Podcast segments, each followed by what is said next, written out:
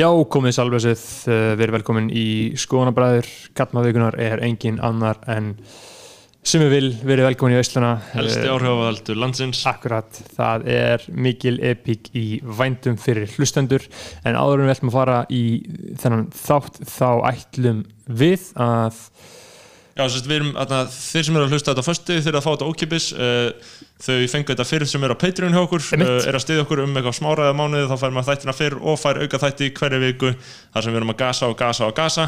Æmitt, uh, ákveð með eins og þriði deg Skellið ykkur í þá veistlu sem er stiðja okkur um 30 dali á mánuði og fá þar með virðinga og nafni sitt í uppáðu hvert státtar en það er það svo virðingavert að ég næf alla utan það með orðum. Akkurat og það eru þrjár ásköldarleðir það er sem sagt 5, 10 eða 30 dólarar ógeðslega auðvelt og þeir sem á stiðja okkur um 30 dollara, það eru þeir Benedikt Bjarnason Björgvin Ívar Brynjar Guðmundsson Erik Ólaf Eriksson Geoffrey Huntington Williams Haldán Svensson tónlistamæðurinn Dirb uh, King Jóhannes Haugur sem er styrkja Nei, nei, nei, nei. Jóhannes Haugur er ekki lengur styrkjakongur okay. Jóhannes Haugur er fyrirhandi styrkjakongur Fyrirhandi styrkjakongur uh, var það fyrir síðastu viku. Jóhannes Haugur borgar okkur 70 dali á mánuði hinn eini sann styrkjakongur er, er engin annar en Tandri Snær Tröstason 8-10 bandaríkja dalir á mánuði. Tandri, þetta er Tandri Snær og Jónas Haugur hafa verið í mikill í samkefni um þetta og núna er Tandri yfir. Já Herru, er Jón Saugur komið til landsins? Ég sá hann á Instagram að drekka lísi Já. Þannig að við þurfum að tsekka því. Já, við þurftum að fara að fá hann hérna en kannski vil hann eða fjölskyldunum eða jólunum með fjölskyldunni Já, en ekki komast í sótkví uh, En Ég veit takk fyrir þetta Tandri Snær Traustason og leðilegt að sjá uh, að þetta sé hrunið hjá þér Jóhannes Haugur gangur vel með þetta í framtíðinni Já, já, að- rífa þetta upp en þetta. Kristoffer eh, Daði næstur. Aðalvirðingin fyrir Tandra, takk fyrir þetta Eh, mm Sturla Snorrason Nafnlaus kona. Sverrir Jóhannsson. Já, Já. Tindur Kárásson Tindur Örvarsson. Tómas Óli Eggertsson. Og Úlfur Árnason að lókum Þetta eru þeir sem að styrkja okkur um 30 dali. Þú gerður lustin því getur gert það líka og fengið virðingu á nafnið þitt uh, síðan og eða getur borgað meira en Tandri Snær og borgað meira en 80 og fengið ultimate virðingu á nafnið þitt bara Tandri, þú ert bara aðal maðurinn í leiknum. Já, bókstala, þú ert að halda upp í íslensku fjölmjörnmarkið uh, algjörlega og síðan uh, þurfum við náttúrulega að taka það fram að við erum með stefnu, það kostar 250.000 krónur uh, að koma í þáttinn og auglýsa hvað sem við vilt auglýsa. Saman hvað er, þetta er bara stefna sem við byrjuðum með og höfum haldið bara alveg sem við byrjuðum, þannig að tjekkja á því, tjekkja á patreon.com skástrík skorabræður og njótið sem að vil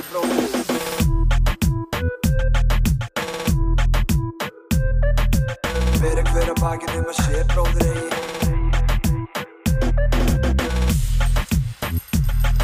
Jó, góðan daginn. Góðan daginn, við uh, erum byrjað að taka upp, skilst mér. Jöp. um, Konu með sjálfa sem að vil í stúdíuð Já, Blessaði, velkomin já, Sim þakka ykkur fyrir. uh, Fullin átni Sigmar Viljámsson Já, Monni Sim. Er minna í því. Já, Það, það, það, er, það er, þú veist, við, Alveg merkilegt hvað hérna Egil Einarsson nær að láta einhverja frasa fljúa. Já. Alveg, og þeir festast og ef þú kvartar yfir því, þá eigur hann. já, eigur hann taktinn. Þannig að ég hef aldrei sagt neitt, sko. Ég er bara svona, mm. Það er, það, það er, er grundvallar dæmi í einheltinu að ef, þú- ert á móti þá verður það meira, sko Já, já. Þannig að, hérna, en ég get nú þakka mig sælan fyrir að, hérna, prísa mig sælan fyrir að vera ekki cocksucking sim. Já, já, já en, en, er verra. Er verra eiga það samtalið börnir sín. já, Monni, það er einfalt að útskýra já. Að, Akkurat, en hérna, uh, Simmi, þú hefur hérna, við vorum að tala með því morgun að uh, þú ert eiginlega komin í hérna, topp stöðu sem helsti áhrifaldur Íslands. Já maður, þetta Er það gerðist. Ótrúlega skrestat Já, atriði? Já, þú ert í... Há, há aldraði maðurinn. hva, Já. hvað, hvað er fendan gerðist? Af Því allt í einu er maður bara svona stóri hér sem maður vil, sko. Já, Já. þetta er ég, sko, nú verðið þið bara að- að meta það fyrir ykkur okkur við erum að horfa, sko, en hérna Ég, ég, ég spyrir með þessa spurninga mjög oft sko. þarna fóru 20 mínútur að liði mínu. Hérna Nei, þetta byrja nú bara á þessu COVID-i að hérna, við, við hérna, feðga komum úr skíðaferð og förum í afturvirka tíu daga einangrun. Mm.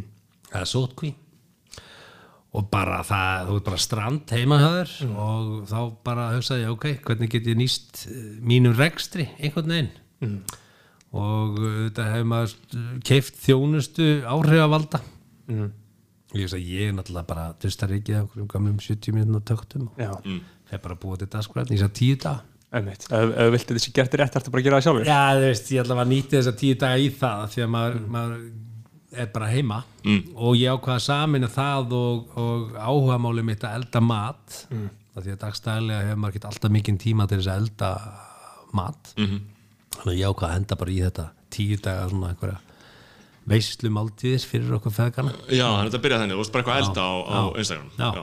og ég held að fylgjendahópurinn hafi farið úr 4.800, 5.000 manns upp í eitthvað 10.000 eftir Já. þess að tíu dag Það er djúvilega að fyndi maður það gerist svona rætt og svo einhvern veginn hefur það eh, undið upp á sig sko.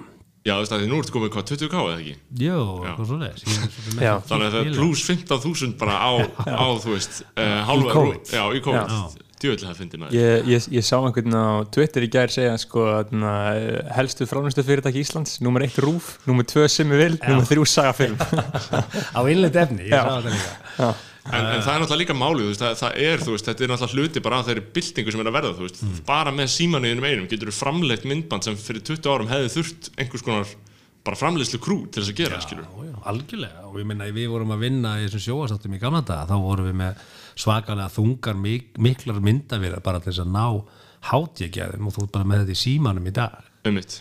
Þannig að þetta er, já, þetta er rosa, rosa bylting Já, þetta er rosa bylting, sko. Uh, og, og síðan hefur þetta þróast út í það að, að þegar, sko, ég með svona þeóri, eða þú veist ekki enga, enga kenningu, en ég bara er að reyna að útskýra þetta fyrir mér, bara mm. til mér þarf þitt Instagram, að þegar maður náttúrulega neytir alls konar efnis uh, og þú ert með þessa klassísku kanónu áhrifavalda hérna á Íslandi, með, þú veist, Solonu Diego og uh, ég veit ekki hverja maður getur nefnt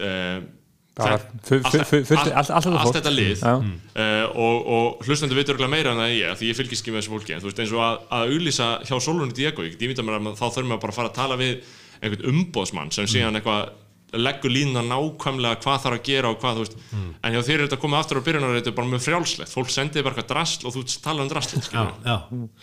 Já, já, ég meina ég hérna, ég er ekki að fá borgað frá neinum til þess að fjallum neitt en ég er náttúrulega að fjalla bara um það sem ég er að gera og fást við. Og ég ætlast ekki til þess að fólk fíli það sem ég er að gera. Ég er ekkert að reyna að gangi augun á einhverjum. Ég bara Nei. geri mitt. Já, og hérna ég hugsa þetta bara þannig, já, ég meina ef ykkur sendir mér eitthvað, ég líka segi mína skoðun á því sko, ef þetta er eitthvað drast þá bara, Já. ah, þetta er ekki fyrir mig sko. Já, hefur, hefur, hefur gert það? já, já, og menn taka þá á þetta. Ég fannst þetta, maður má ég senda þetta? Ég er hérna með eitthvað, já, já, gerði það. En þú veist, ég segi hvort það mér finnst það er lægi eða ekki, sko. Já, og það er kannski líka það sem skiptir kannski máli ef, ef þú ert að fylgjast með einhverjum þetta er, að er, sé trúaröð líka í þáttina sko. þetta er þetta unboxing dæmi sko. Þa, það er eitthvað í manneskjunni sem mi- eh, kann mjög vel við að horfa á einhvern opna pakka, Sko.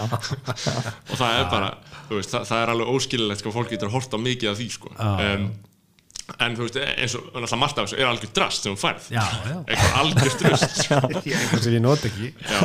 er ekki heimilið þetta að fyllast af fólk Nei, drastli nei, ég á fullt af, fullt af skildmunum að, þetta, já, endilega, mm. Já. Að þú veist, þetta er, við búum í svona nesli samfélagi sko, uh, og þetta er, þú veist, það er, ég, það er líka ákveðin sko, þetta er ákveðin kjörnun þú veist, stórið þetta er ákveðin kjörnun á nesli samfélagi þú veist, það kemur bara efni og efni og efni og efni, drast og drast og drast sko, og, og sumt gaglegt, annað mis, miður gaglegt Já, já, það er það og ég get sagt sko áhrif kannski þess að mér sé líka bara hansi mikil. Ég sjá það þrista já, ég meina það er, við erum ekkert búin að auglýsa hana fyrir en bara hana, hvað, í þessari viku? Mm. að hún fáist til höllabótum þannig að það er bara stórið já, og síðan náttúrulega bara aðurir sem að í- fleita því áfram. Þannig að í rauninni það við erum, að selja rúmlega 15.000 eintök af það er svo Já. gott sko. Eh, það, það, það er kannski erfitt að mæla en finnur fyrir að business sé náttúrulega erum búin í COVID og allt það en finnur fyrir að business sé betri eftir að byrja að uh, marka sér þetta sjálfur eða? Uh, ég held að það sé bara við getum ekki alveg mælta í þessu árferði því að þetta business er bara miklu minni en það ætti að vera þannig að hérna, maður kannski veit ekki en þristamúsin er klárt dæmi þess um hvað hægt er að Já. gera á þessu miðli.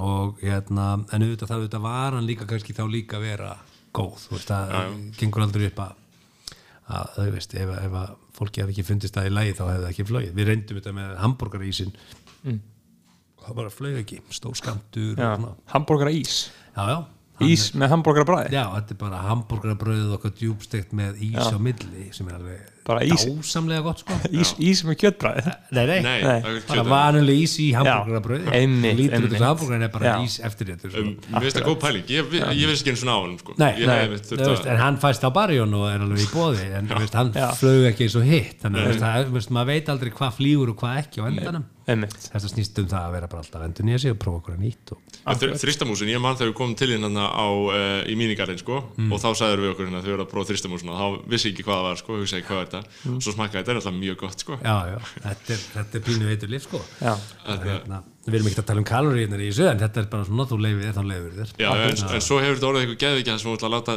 íþróttalegi keppa á móti hvert öðru já. og uh, kaupa þristamús já, um, Allt eðlilegt við það að, að fólk sé að gera það. E, já það kveikjaði að því var í rauninni, ég var að fá svo rosalega mikið að svona, ó, veist, ó, shit, mér dreymir þessa mús og hvenær kemur hún hingað á Akureyri, hvenær Já. kemur hún á Stikisón og við svona hugsaum hvernig getum við afgreitt þetta og þá settum við bara upp svona vefverslun hjá okkur og buðum þá íþróttafélögum að sjá um dreifinguna á staðnum mm.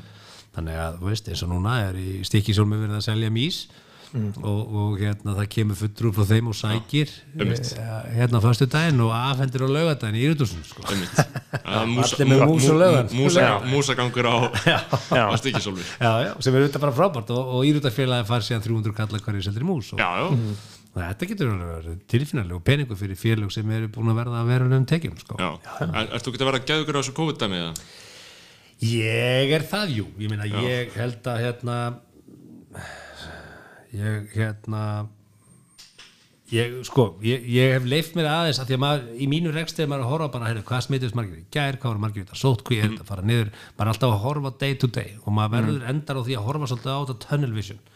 Svo fór ég bara inn á daginn inn á covid.is og ef þið farið inn á covid.is þá sjáu þið töfla forsíðu sem er hægra með sem segir covid frá upphafi. Og þar sjáum við að það er búið að mæla 340.000 einstaklinga. Af þeim hafa 5.300 greinst með veiruna. Af þeim 5.300 eru 310 sem hafa þurft að leita, leita lækninga inn á spítala. Og af þeim hafa 50 farið inn á gjörgjæslu einstaklingar. Og þetta horfum maður á og hugsa bara byrju, hvernig eru tölunar í venjulegri flensu og rúnabólgu hvernig eru þær tölur? Og um leiðum að fer svona að leifa sér þess að horfa svona ok, nú, nú erum við komin hingað við erum búin að læra mikið, við kunnum að meðhendla veiruna betur. Við, við erum að passa okkur öll miklu betur en, en, en við gerðum til það mynda bara í februar erum við að nota sko fallbissu í að opna þessa hurð eða erum við að nota leiklansett sko. Mér finnst við vera með rosa stórar aðgerðir því að til hlýðar við þessa töflu ef, ef að COVID getur sínt okkur síðan eh, aðra samfélagslega töflu sem væri bara atvinnuleysi, félagslega vandamál þú veist, þunglindi Já, já. eh, allt sem fylgir síðan aðgerðum sem við erum að gera. Ég hef svolítið verið, verið svona eh, aðeins verið hugsi yfir því. Að því sögðu, þú veist engin leið að vita hvernig á að bregðast við einhverju sem þú veist ekki hvernig hafa sér Nei, nei. eða hvaða langtíma áhrif þessi COVID verið að kemur til með að hafa eða hvort hún komið til með að hafa hana. En sko ég held að, ég held að við þurfum alltaf að hafa skilning á, á því að þetta náttúrulega alltaf bara um að passa sjúkrahúsin færi ekki algjörlega þú veist að því að ef við hefðum ekki farið aðgerið þá hefðum við auðvitað, þetta er svona Já, þetta, þetta er svona ákveðin balans þetta er ákveðin þversök líka samt náttúrulega líka að, að ímynda sér sko að þetta hefði að, að þetta er svona lítið út af aðgerðinu náttúrulega líka. Uh, Já, en þú ert samt sem áður sko, þú ert líka með fólk sem er í þessum áhættuhópi sem hefur fengið COVID og kom ekkert fyrir það. Já, já, og svo tala líkur ekki fyrir. Nei. en þú ert, þú ert bara tunnel vision að horfa á sóttu varnir. Mm. og mér finnst mjög hérna, ámælisvert hvað stjórnvöld hafa náð að setja hausin í sandin í öllu þessu ferli.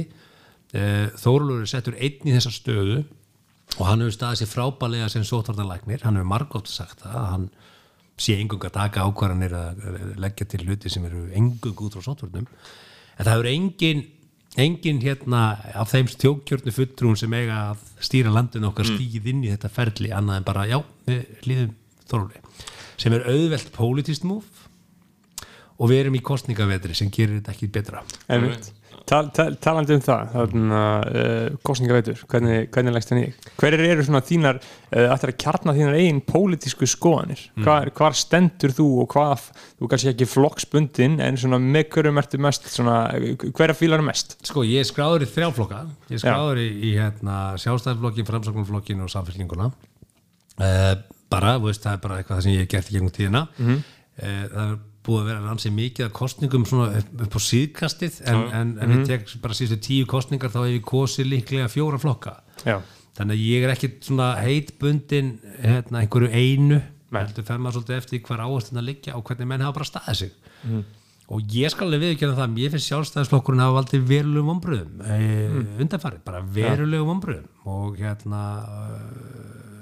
og segi það sem atvinnureikandi lítils og millistórs fyrirtæki sem ég finnst mm. aðgerir og tillögur efnagaslega í þessu ástandi bara hafa ekki verið neinar Einmitt. og uh, mér finnst það svona uh, já, mér finnst vant, hafa vanta þar hreinlega bara þekkingu, sköpun og gáfi og, og kjark gast alveg búið við þessu frá vinstri grænum en já, ég meina það að gera ekkert er ekki endilega það sem að sjálfstaflokkurinn þekktu fyrir sko. nei, og mér bara fundist hann hafa valdið mombröðum, ég bara segja það beint út. Uh, hérna já, heilbriðis heilbriðismálin, þetta er alltaf gríðarlega erfið staða þú veist, það er búið erfitt að alltaf hérna, þykjast vera með svörun og reyðum höndum þar.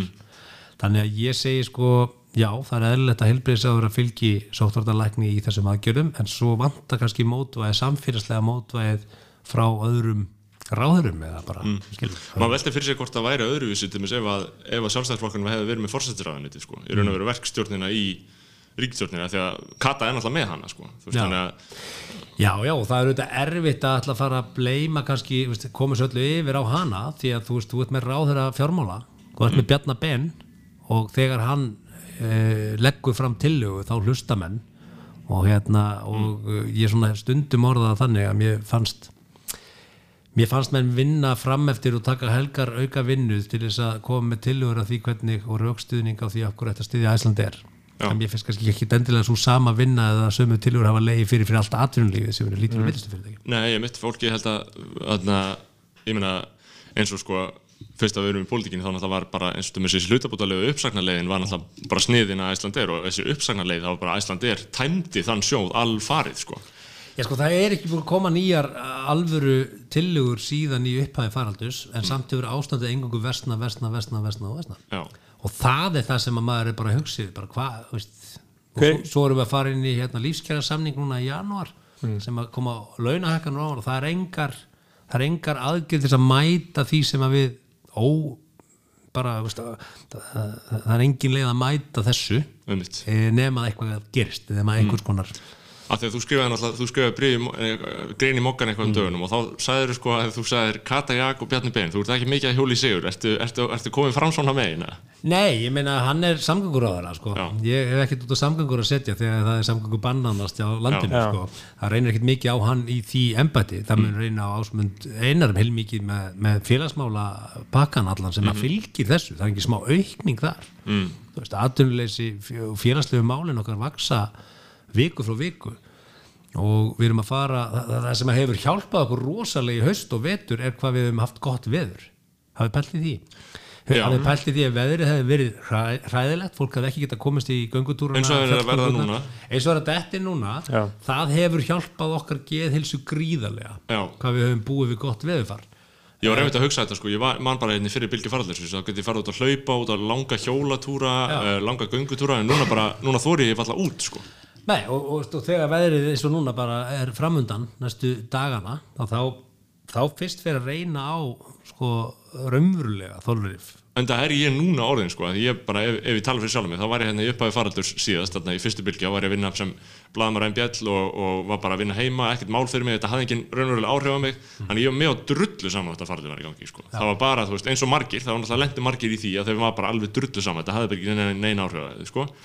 Núna er komið veitur, ég get ekki fara út úr húsi, ég er ekki að vinna dagvinnu, þú veist, í tölvu alltaf, þannig að mér leiðist og ég er einmara heima og þá er ég bara, ég gæti farið á mótmæli gegn COVID-aðgerðum, sko. Þetta er, þú veist, að þetta er, þetta er svo rosalega, maður er- byggir þetta svo mikið á því sem er að gerast hjá manni sjálfum, sko. Þetta er allt hagsmunir. Já, já, klá, klárlega. Og þá segi ég bara hérna 80% allra fyrirtæki í landinu eru lítil og millistór. Og uh, þessi fyrirtæki eru millistjættin sem hefur ekki kannski endilega þann kost að vinna alltaf heima. Og, og þetta gleymi stundum. Og stundum finnst mér hérna, stjórnmál og stjórnkerfið orðið þannig að ofinbyrjir aðlar að taka ákvarðanir og þeir eru bara ekki snertingu við atvinnulífið. Mm. mér mér finnst rosalega mikil, hérna, mikil gjá einhvern veginn þarna á milli. Menn hafa ekki skilning á því hvað er að gerast. Og út, af hvað það gengur. Tökum bara veitingarekstur. Ha, í fyrsta lagi náttúrulega mætir sá rekstur ákveðnum fordum það er ákveðin svona kreðsa um það að þetta séu einhverju svona drikkju sjúkir kokkar sem eru bara með rasvasabókald og er ekkert að gefa upp allt í skatts. Þetta er svona típisk uh, skilgreining á greininni. En, en það eru þetta ekki þannig. Það eru bara alvöru fyrirtæki í alvöru rekstri þarna og þeim tengja síðan heilsölur eh, framleiðendur, matalaframleiðendur veist, það, það eru rosalega mörg margvældis áhrif sem tengjast einu veitingahúsi eða einu veitingastað. Mm. þannig um að þú ert komin í stærri veitingastaði og hérna þetta telur þúsundir hérna tug þúsundir manna á Íslandi sem eru bara veist, það er búið að fækka í heilsölum það er búið að fækka í fullt af, fullt af, fullt af störfum.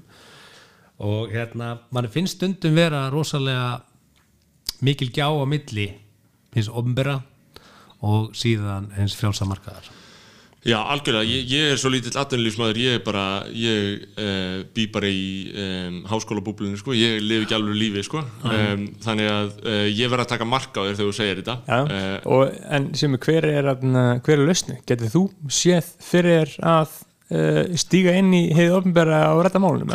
fáum við sem að vilja er, er, er það ekki bara tímaspörsmál? Sko, gallin við stjórnmálin er þessi og það er kannski það sem að ég væri til í að mitt háskólasamfélagi myndi svona fara að reyna að dusta ríkja. Að það er að fara að hafa áhuga á stjórnmálum sko. Já, og það er búið að stilla stjórnmálunum upp þannig og orraðan og umræðan er orðin þannig að hún er svo leiðileg, það nennir enginn að kynna sér hana og þú svona eiginlega bara ert að veðja personur og leikendur hverju þú treystir bara við kannski bara eitt viðtalið eitthvað sjálfstæðarflokkurinn hefur alltaf búið við þann kost að það sé voða þægilegt að segja hver kosti sjálfstæðarflokkin og þú ert ekki að skýra það neitt frekar. Þú veist það er samtalinu lokið, já, hóðu þetta á þeim. Og þá er það bara búið. En ef þú ert á kaffestónu og segir, heyrðu, ég kaus hérna viðreist, ha, af hverju? Þá upphefst bara tímið á samtal af hverju þú ætti að gera það. Mm. skilur þú, já, vel rifildi já, þannig að það er búið þægilegt bara að kjósa sjálfstæðarflokkin og segja bara, já, ég treysti þeim ég að sjá um þetta fyrir mig. Þetta er bara orðræðan í dag. Mm. en fólk er svo að því stjórnmál snúast um allt í þínu lífi.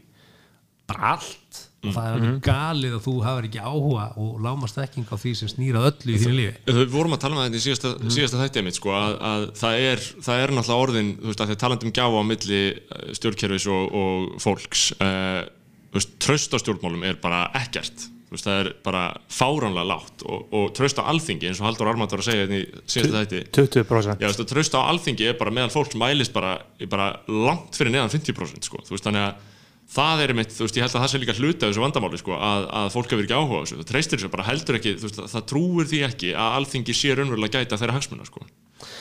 Nei, sko ég held að það tengist líka þessu að við erum í populisma við erum, við, erum búin að vera í populisma sko mjög lengi. Populismi þýðir bara hvað er vinsælt að segja Já. og hvernig held ég starfinu mínu. Og ég hérna talaði nú eitt félagsvæði prófessor ekki alls fyrir löngu ég sagði að það var mjög áhugavert að sjá graf af öllum þingmönnum á Íslandi hvað margir af þeim hækkuðu í launum við það að verða þingmenn úr þeim störfum sem þeim voru í árið bögum sér fram af því að það er líðræðislega hættulegt líka að við séum með fólk núna á þingi sem er bara að hugsa, heyrðu það er ári kostningar vá, ætla ég að fara að verða aftur hérna hjúgrunafræðingur, ætla ég að fara þú veist, eða vil ég halda áfram þessu lífstil sem ég er komin í hér mm. skil ég Ja. Veist, eh, og, og þá er spurningi ferð að gefa einhver lofvorð, alveg eins og það er hættulegt að vera með einhver sem eru bara í klíkuskap og er að hérna, draga hagsmuni sinna félaga Já. þá er líka hættulegt ert með fólk sem er bara til í að segja það sem þarf að segja bara til þess að halda vinnu sinni þetta sé atvinni viðtal en ekki raunverulega herði, ég er með eitthvað sem brennur á mér mér er til þess að laga þetta, þetta, þetta, þetta. Skil ég Já, það er eitthvað sem vandar þarna, sko. En, Já. en, en eins og ég segi, þarna uh, það, það var eitthvað myndband á meira sem held í Instagraminu um daginn frá Guðna Ágússinni uh, þar sem hann var að peppa því framboð já. ekki í fyrsta skiptir þetta hann er búin að gera það í nokkur Já. að uh, en, en ert þú ekki gaman framsvona maður? eða? ég er ekkit gamall framsóknarmaður í fyrsta lega er ég ekki gamall en hérna ég er hérna, veist, ég er samt alveg miðjumadur Já. í stjórnmálum og, og í raunin eru hvað, allir á miðjunni það eru allir komnir á miðjuna þú veist, þú ert með vissulega skoðanir sem eru vel til hægri en, en, en í grunninn er engin munur á flokkonum nema þá mögulega pýrutum sko. Það eru einu sem svona skera sig úr. Ég meina það er allir sammála um uh, náttúruvernd. Það var einhvern tímann einu sinni stimpilli sem var vinstri grænir báru einir. Akkurat og svo fórst einhverjum í jóð og bjóð til stærsta náttúruslýs eh, landsins og allir hinni fóru átt að segja á því að þetta skipti máli. Var, var vinsælt topic skulum við segja, þannig að allir komnir á það vinsæla topic. Eh, ég trúi því að við höfum ekki enga veist, enga væða skólakerfið okkar, við höfum ekki enga væða helbriðskerfið okkar, við eigum að búa þannig um hnútana að allir eigi að geta gengið að jöfnum uh, þjónustu gæðum í þessum tveimur málflokkum þá horfum við til Ameríku, hvernig er staðan þar veist, það er þetta komin í lengst til hægri í einmitt enga væðingun og annað. Ég vil ekki að fólk hérna eigi ekki að efna því að sækja sér lækningar eða það er einhver mismunun í mentun vegna þess hvað þú ert með í laun sko. mér finnst það ekki eðlilegt samfélag og við eigum það mikið við eigum það mikið verðmætt að við eigum ekki þurfa að bjóða upp á það þannig að ég er algjörlega miðjumæður í þessu. Ég er miðjumæður í orkumálum af því að bara við eigum aldrei að enga væða orkumálum ég tók einhvern tímann harðan debatt um þessi orkumál. Já, já varst ekki í orkupakastöðinu Já, sko, ég fór í hennan hóp en við við verðum átt okkur á því að þar auðvitað var fullt af fólki með mismunandi ástæði fyrir því okkur að vera mótið því. Já, já, og ég var bara með eina ástæði fyrir því okkur ég var á móti mm. og það er bara að það sem gerir, ok- gerir lífvænlegt að búa á Íslandi er lágt orkuverð. Mm. við erum með herra maturverð það er allt miklu dýrar hérna. Við komumst ekki hérna til útlandan ef maður miklu herri premju mm. það sem er ódýrt er hitti og rafmagn. Og ef við förum að blanda einhverju millilið í það sem við erum búin að gera með orkupakka 1, 2 og 3 þá hækkar orkuverð en það hefur það hækkað. Og það er bara því að það er komið enga, það er búið að enga væða dreifinguna á orkunni. Mm. ég sjálfur, ég alltaf ég alltaf reyndi að, að að skilja sko hvaða áhrif ég meina sko að, að tala á móti orkupakka 3 alltaf snýrist líka bara um að vekja upp þessa umræða almennt, það var kannski ekki endilega nákvæmlega hann sem hafði þessi tiltekna áhrif en þetta vakti upp svona hann hafði þessi áhrif, jú orkupakki 3 Já. Já, ég, orkupakki 2 hafði þau Já. og ef þú fellir orkupakka 3 þá falla allir hinn orkupakkarnir niður Já. þannig að núna þegar orkupakki 4 kemur ef að hann er felldur þá falla allir hinn líka niður. Það verður stuð þegar 4 hvernig gefur hann?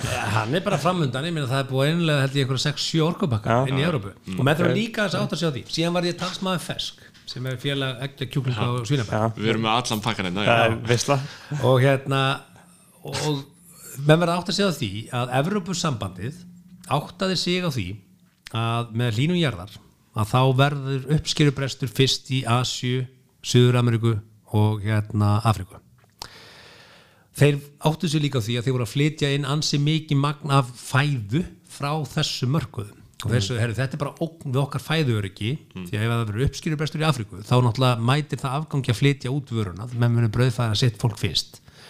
Og þá bara verður hungusneið skilur, í yktustu útgáfunni. Já, já. þannig að þeir fóru að segja, herri, við þurfum að fara að gera okkar fæðuöryggi, sjálf þurfum að fara að framleiða fæðu. Til þess þurfum við orku af því að það eru mismunandi orkusvæðin í Európu við þurfum að ná að sapna saman orkunni. Miðlægt og dreifa henni til allra landa þannig að öll lönd getur orðið sjálfbar í fæðu framleiðslu. Þess vegna erum við að ræða þessi mál. Þess vegna er við að innlega þess að pakka. Á sama tíma hér á Íslandi erum við að tala um að það er bara flytjinn all, all matvæli mm. og við erum að selja frá okkur orkuna. Já, sem, sem er algjörlega móti í rauninni stefnu Európusambandsins sem þeir eru að gera fyrir sig já, og það að sjá sjálfstæðisflokkin berjast fyrir þessu hatramlega eh, flokkurinn sem hefur hingað til ekki vilja ræða Evrópumál fannst mér bara mjög skrítið. Hvað veldur því? Okkur er allt í einu sjálfstæðisflokkurinn er mesti Evrópuflokkurinn í þessu málaflokki? Já, já, nú það hljóta þá að vera einhverju aðrir hagsmunir. Það hljóta þá að vera hagsmunir á, á, á því að menn sjá hei, það er gott fjárfæstingartæki verið hérna í orku skilji, þetta snýst allt á endanum um já, þetta. já, já. og ég segi bara þarna segi ég bara stopp, við eigum ekki að hérna, fara í þetta ferli með orkun okkar. Af því að ég er alveg til í að enga væða eitthvað sem við getum gert betur. Orkumálun okkar eru í toppmálum. Mm. hvað langt sem var ramaslust hjá okkur. Veist, ég ólst upp fyrir það að rafmagnin data að finga á þanga á stundum, en það gerist ekki í dag lengur. Hvenær varstu hita veitu vasslaus aldrei, þjónustan er frábær um landa allt, það er ekkert að laga og landsverkinu er að skila hagnaði mega hagnaði til handari og af hverju í óskubónum eigum við að fara að splundra því upp núna og fara að selja þetta er Akkurat. enga hana Ég- það er bara galin hugmynd En hver, hver eru sko mótrökin? Þau eru bara það- að við þurfum að- segir bara? þau að við þurfum að fylgja því sem það er það, það, það eina. Já, þetta er bara rá Já, en, ég, held samt að það sé samt rétt. Ég held að þú þurfir að samþykja þessu orkupakka ætlar að vera áfram í ES veistu hvað eru mörg hérna, veistu hvað eru mörg mál sem við erum aldrei að fara að samþykja sem eru hérna mm. tillögur frá Arabisamöndunum Ég reyndar hef ekki þekking á því sko, Nei, en, en, EES er bara hérna með ákveðnar tilskipanir og það er ákveðin lög. Og ef þú innleðir það ekki þá bara er það fæn mm. eh, samanber við erum ennþá með átíðaferð við erum ekki að selja vín í búðum, okkur gerum við það ekki. Af því það er ekki búið innlega Akkurat. og til þess að við verðum neitt í að innlega þarf einhver að fara í mál við ríki fyrir eftadómstólum og, og, og þessu. Til þess að það komi herðu, jú þið verðið að gera þetta. En maður gæti sér fyrir sér að þau munum púla eitthvað þannig sitt með orkuna ef þetta, ef þetta varðar svona miklu skilur ég veit það ekki. Já, það, það gæti alveg en, en, en, en bótt og lænið þetta ef við erum komið með sama orkuverð og Mm. danir ha, hvernig eigum við að búa hérna hvernig, hvernig verður kaupmáttu launa Hvað- hvað- gleymið þið hugmyndinni Já. þetta er eini hluturinn sem er raunverulega munlægri heldur en á öðrum löndum í, Mm. það kringum er, okkur það er, það er aðtilsverður punktur sko, maður hefur ekki velt sér, fiskurinn er sko. dýrari hér heldur en í Danmark Já. Veistu hversu mikið læri? Já. tilfellega, ég held sem bara millir Danmörkur og okkar ég- Já, 40-50% ok og, og, og við þurfum mi miklu meiri orku því að við erum ekki með sólina og sumrin sem heldur húsunum heitur sko. við þurfum, við þurfum hitt og rafmagn alltaf árið um kring sko. mm gleymið því ekki það var mitt verið að mæla með því núna í ljósi þess að veðri sé að vera svona vond það var verið að mæla með því að menn lokuðu gluggunum og, og uh, lækkuðu í opnunum sko, ætla að spara orkunum sko, það verið mínus sjö gráður um helgina sko. Já. það verður eitthvað klikkun sko. en, en líka það sko að, að Íslendingar nota orku þannig að þú veist, við stillum hittast í húsunum að hafa kveikt allan tíman á opnunum og opna sem glugga til og frá sko. lofta um, en já, ég, ég veit ekki með orkumáli sko, og, og, og ESB uh, Nei, ég, ég, ég er ekki vel að mér í þessum málum en mér finnst allt sem að þú varst að segja sem ég bara, já, megasens, einmitt, já, Já, en þá segir ég bara, ég er bara svona hvað miðjum að það, veist, ég, ég segi bara við erum 360 manna þjóð Já. við erum að skapa gríðarlega mikið verðmæti.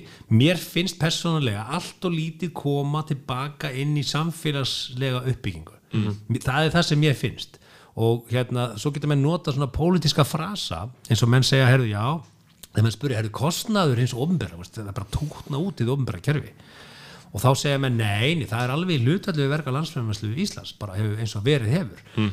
Byrju, hvað þýðir það? það þýðir að, að landsfæðumæslu okkar hefur markfaldast á síðustlinum árum að þá hefur náttúrulega henni ofnbæri kostnaður og, og umfang þess markfaldast líka. Mm. einhver stað segir, hefur yfirstjórnar kostnaður er bara já. restin er þá auka peningur til þess að fara í uppbyggingu innviða eins og spítala, samgöngu og veist þessar hluta, skólamálin.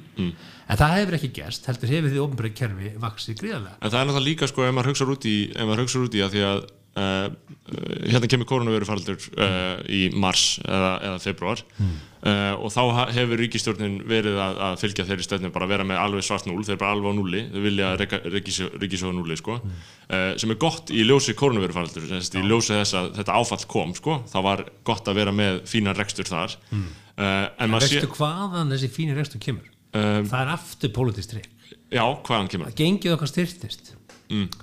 Skuldir okkar eru í elendri mynd Mm. þannig að ef þú segir að búið að lækka hérna skuldir það er ekki að því við borguðum af skuldunum okkar. Nei, Nei, bara því að gjaldmiðlun okkar hækka í verði en í krónum talir skuldin okkar lægri. Er ræðum í sömu og- skuldir. en, að því að, að, að því að ef maður, já, einmitt, ef maður, ræða skuldinir efrum þá var það sama, en að því að ef maður skilur uh, að því að ef maður hugsa um skilur það sem við höfum síðan þurft að gera í ljósi kórnavurfaldursins, mm. allar bara að, að ausa fyrir ríkisjóði uh, á, á misviturlega í misviturlegar áttir vissulega og það má deila það. En þú veist að hugsa maður skilur, ok, þannig að við gátum þetta allan tíman, skilur, þannig að fjármagnin sem vantaði allstaðar í öll, þú veist, bara það sem það sem við verðum að tala um að vantaði fjármagn það var hægt að borga þetta allan tíman, skilur sem síndi sig í koronavírufaldinu, sko, mér finnst það svo áhugavert að sjá það, sko, að það sé að það er, ríkisjóður getur þannig sér algjörlega þó við séum þetta fókt með þessa skuldir núna ég veit ekki hvað við gerum við þær. Nei, sko, uh, já, bara tökum lítið dæmi. Við, hérna, þá getum við farið í samgöngumálin sko, veist, við hérna fengum ferða þjónustu búmið okkar hérna yfir okkur og, og við vorum alltaf að ræða þá herði bara infrastruktúrin okkar ræður ekki við þetta. Við hittum okkar eru bara hérna ekki nógu góðir og við vorum að sjá hérna alveg hræðileg slís ferðamenn að keira hérna á annað fólk og svo framvegis, þetta er bara hræðilegi hlutir. Uh, Núna höfum við tíma til þess að fara í þessu uppbyggingu því að við vitum það að ferðamannaströymurinn hann mun koma aftur. Menn er að vona til þess að ná hérna 900 manns á næsta ári og hérna það væri bara það væri flott viðspilna fjá okkur. Vorum í 2 miljónum ári. Og, og ferða þörfin utan að komandi er ansi mikil. Þannig að við verðum mjög fljótt tilbaka. Það er svona, veist, það er kenningin. En hvað við að gera? Jú, við erum að setja vissulega eitthvað í samgangumálið, en við erum að stækka það miklu meira, því það er líka bara að vera hagvast að við fórum fyrir í framkvæmdir. Gerum okkur tilbúi núna í að taka móti aftur tveimur ferðamönnum, tveimur miljónum ferðamanna. Mm. Bætum í þar. Akkurat, Ma- ég, ég, ég veit ekki hversu mikið er verið að ráðast í framkvæmtir en, en þurfti kannski að vera eitthvað meira þannig að Jú, jú, það er verið að fara í þetta blessað enn og aftur, það er nú eitt sem ég get alveg gaggrind, sko. það er verið að búa til þessa hérna, borgarlínu. Mm. Í alvöru, ég var að keira hérna upp hverjumskotuna til einhvers okkar Já. það voru tveir strætóa fyrir frá mig það var einn fyrir aftan mig að keira hverfiskutuna og það var engin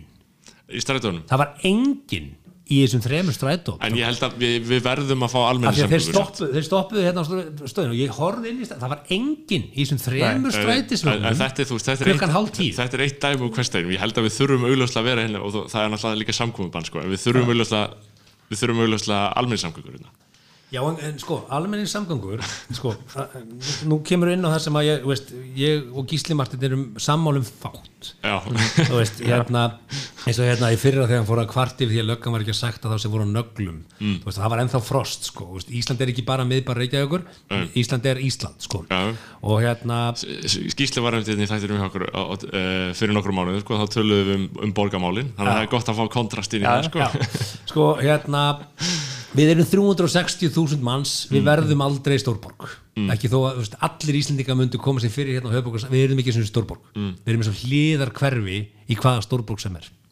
Við erum bara átt okkur á því.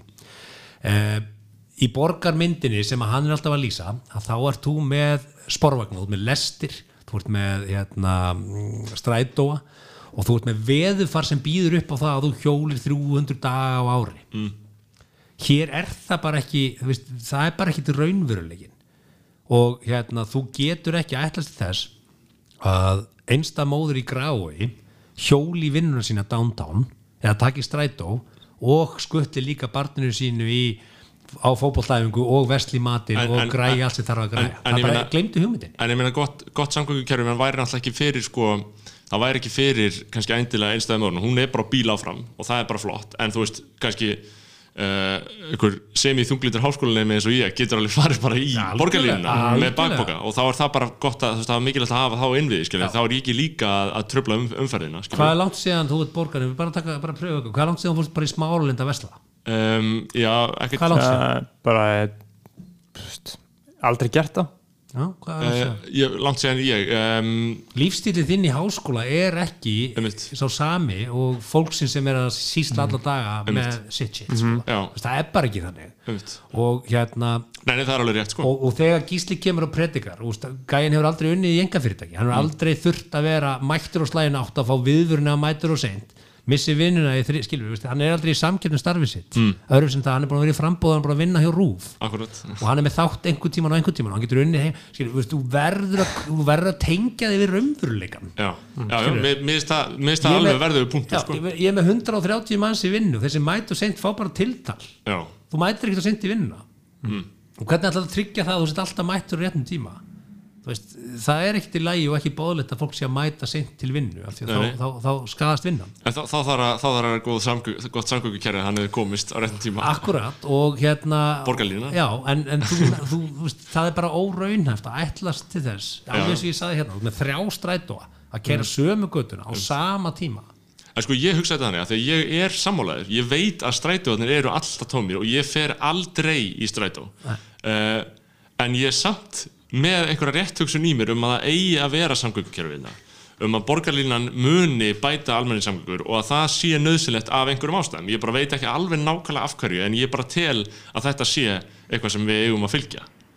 Já, að því að sko þá, þá komum bara að því, ef að fólk vill ekki nota eitthvað mm. að þá ætlar að hvað uh, veistu, e, fólk, sko, fólk vill ekki nota þessa leiðir Einmitt. Og ef við þá fara Ja, að kenna ef við fara að kenna fólki það að nota nota almenni samgöngur En, en er ekki almennt uh, svona almennt stemming fyrir borgarlíðunni þess að er hún að gerast það? ég veit það ekki. En ég, hún er að gerast. Já, hún, hún, hún er að en, gerast, það það er, en það er samfélkingin í Já, nú skal ég bara segja það hér og nú og þið skulle bara halda mig hérna, ábyrgan fyrir þessum orðum mínum. Mm. mm. þetta verður klúður og það verður engin nótkunna viti í þessu kerfi. Í, í borgarlíðunni sem sagt bara. Eh, Já. mín tilega er þessi að því að ég, er alveg, ég hugsa alveg líka vistvænt og bílmengar og allt þetta. Menn er að tala hérna um svifrik uh, ræðum þá þrif á götum. Bara að því menn er að tala um svifrik Mm. Götur hérna er ekki þrifnar. Já, en það, það er náttúrulega líka þess vegna er svifrik Já, það er kannski ekki eina ástæðan það, það er líka þessi, það er líka þessi nagladekk skilu, það, það, það, þau rífu upp sérstaklega. að sjálfsög, alveg eins og bara allur umgangur Já, já. og bara ef þú, ef þú þrýfur ekki heima þér þá verður rík þó þú sett ekki að missa drasl og ert ekki að drasla út. En ég hef samt séð einhverja góða vinstrimenn, góða bíllösa lífstíls vinstrimenn vera að segja á Twitter að, að vísi rannsóknir um að svifrikið sé ekki vegna þess að það sé ekki þrifið. það, Og- er, það er bara það, veist, það er bara En, en ve, ve, vegagerðin sjálf já, bara vegagerðin, stopnunin var að, sem sagt, að staðfesta þetta. A, að að, það sé svifrik Nei, að það séu nagladekkin sem að gera já, þetta þau, þau búa til svifrik Og- og- en þú þarft að þrýfa það. Þetta þrýfa, þá minkar svifrik Já, já. og ef þú þrýfur það ekki þá náttúrulega ekki svifrik það er bara að segja sjálf og, og ég ætla að segja eitthvað það bara hérna, núna í februar fór ég í skíðaferð til Austuríkis og ég tek bílalögubíl og keiri frá munn hérna upp til Austuríkis og keiri tilbaka, þetta er vika og ég er að keira þarna í slappi og á hraðbrutunum og allt þetta. Og ég hugsaði vá hvað bílið mín er hreinn. Geggjað, svo lendi ég í Keflavík og ég tek á móti bílið mínum hérna frá Reyni Parkeflæ hjá Reyni Já. Bergmann, algjörlega stífbónaður hreitt bílinn, ég keiri inn í Mósesbæ og hann er drullu skítur það er ekki svo þessi skítur snjór á Íslandi þetta eru bara óhrina götur. Við mátt okkur því. Og hérna að hérna, og tölum þá bara um öryggi. Veist, það er líka öryggismál að vera ekki með drullu skítur. Ef að rúðupissið þetta er búið þá ættu að vera með drullu skítu að framrúðu. Við þurfum að þrýfa gödunar okkar. Já. en mín sín hins vegar er þessi.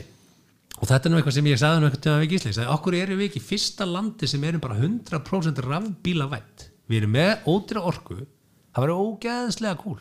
Og við ættum að fá hérna Tesla í að setja upp hérna batterísframlistuna sína með vistvætni orku að framlega þetta batteri þetta er high-tech, þetta myndi örfa störf í þessum geira.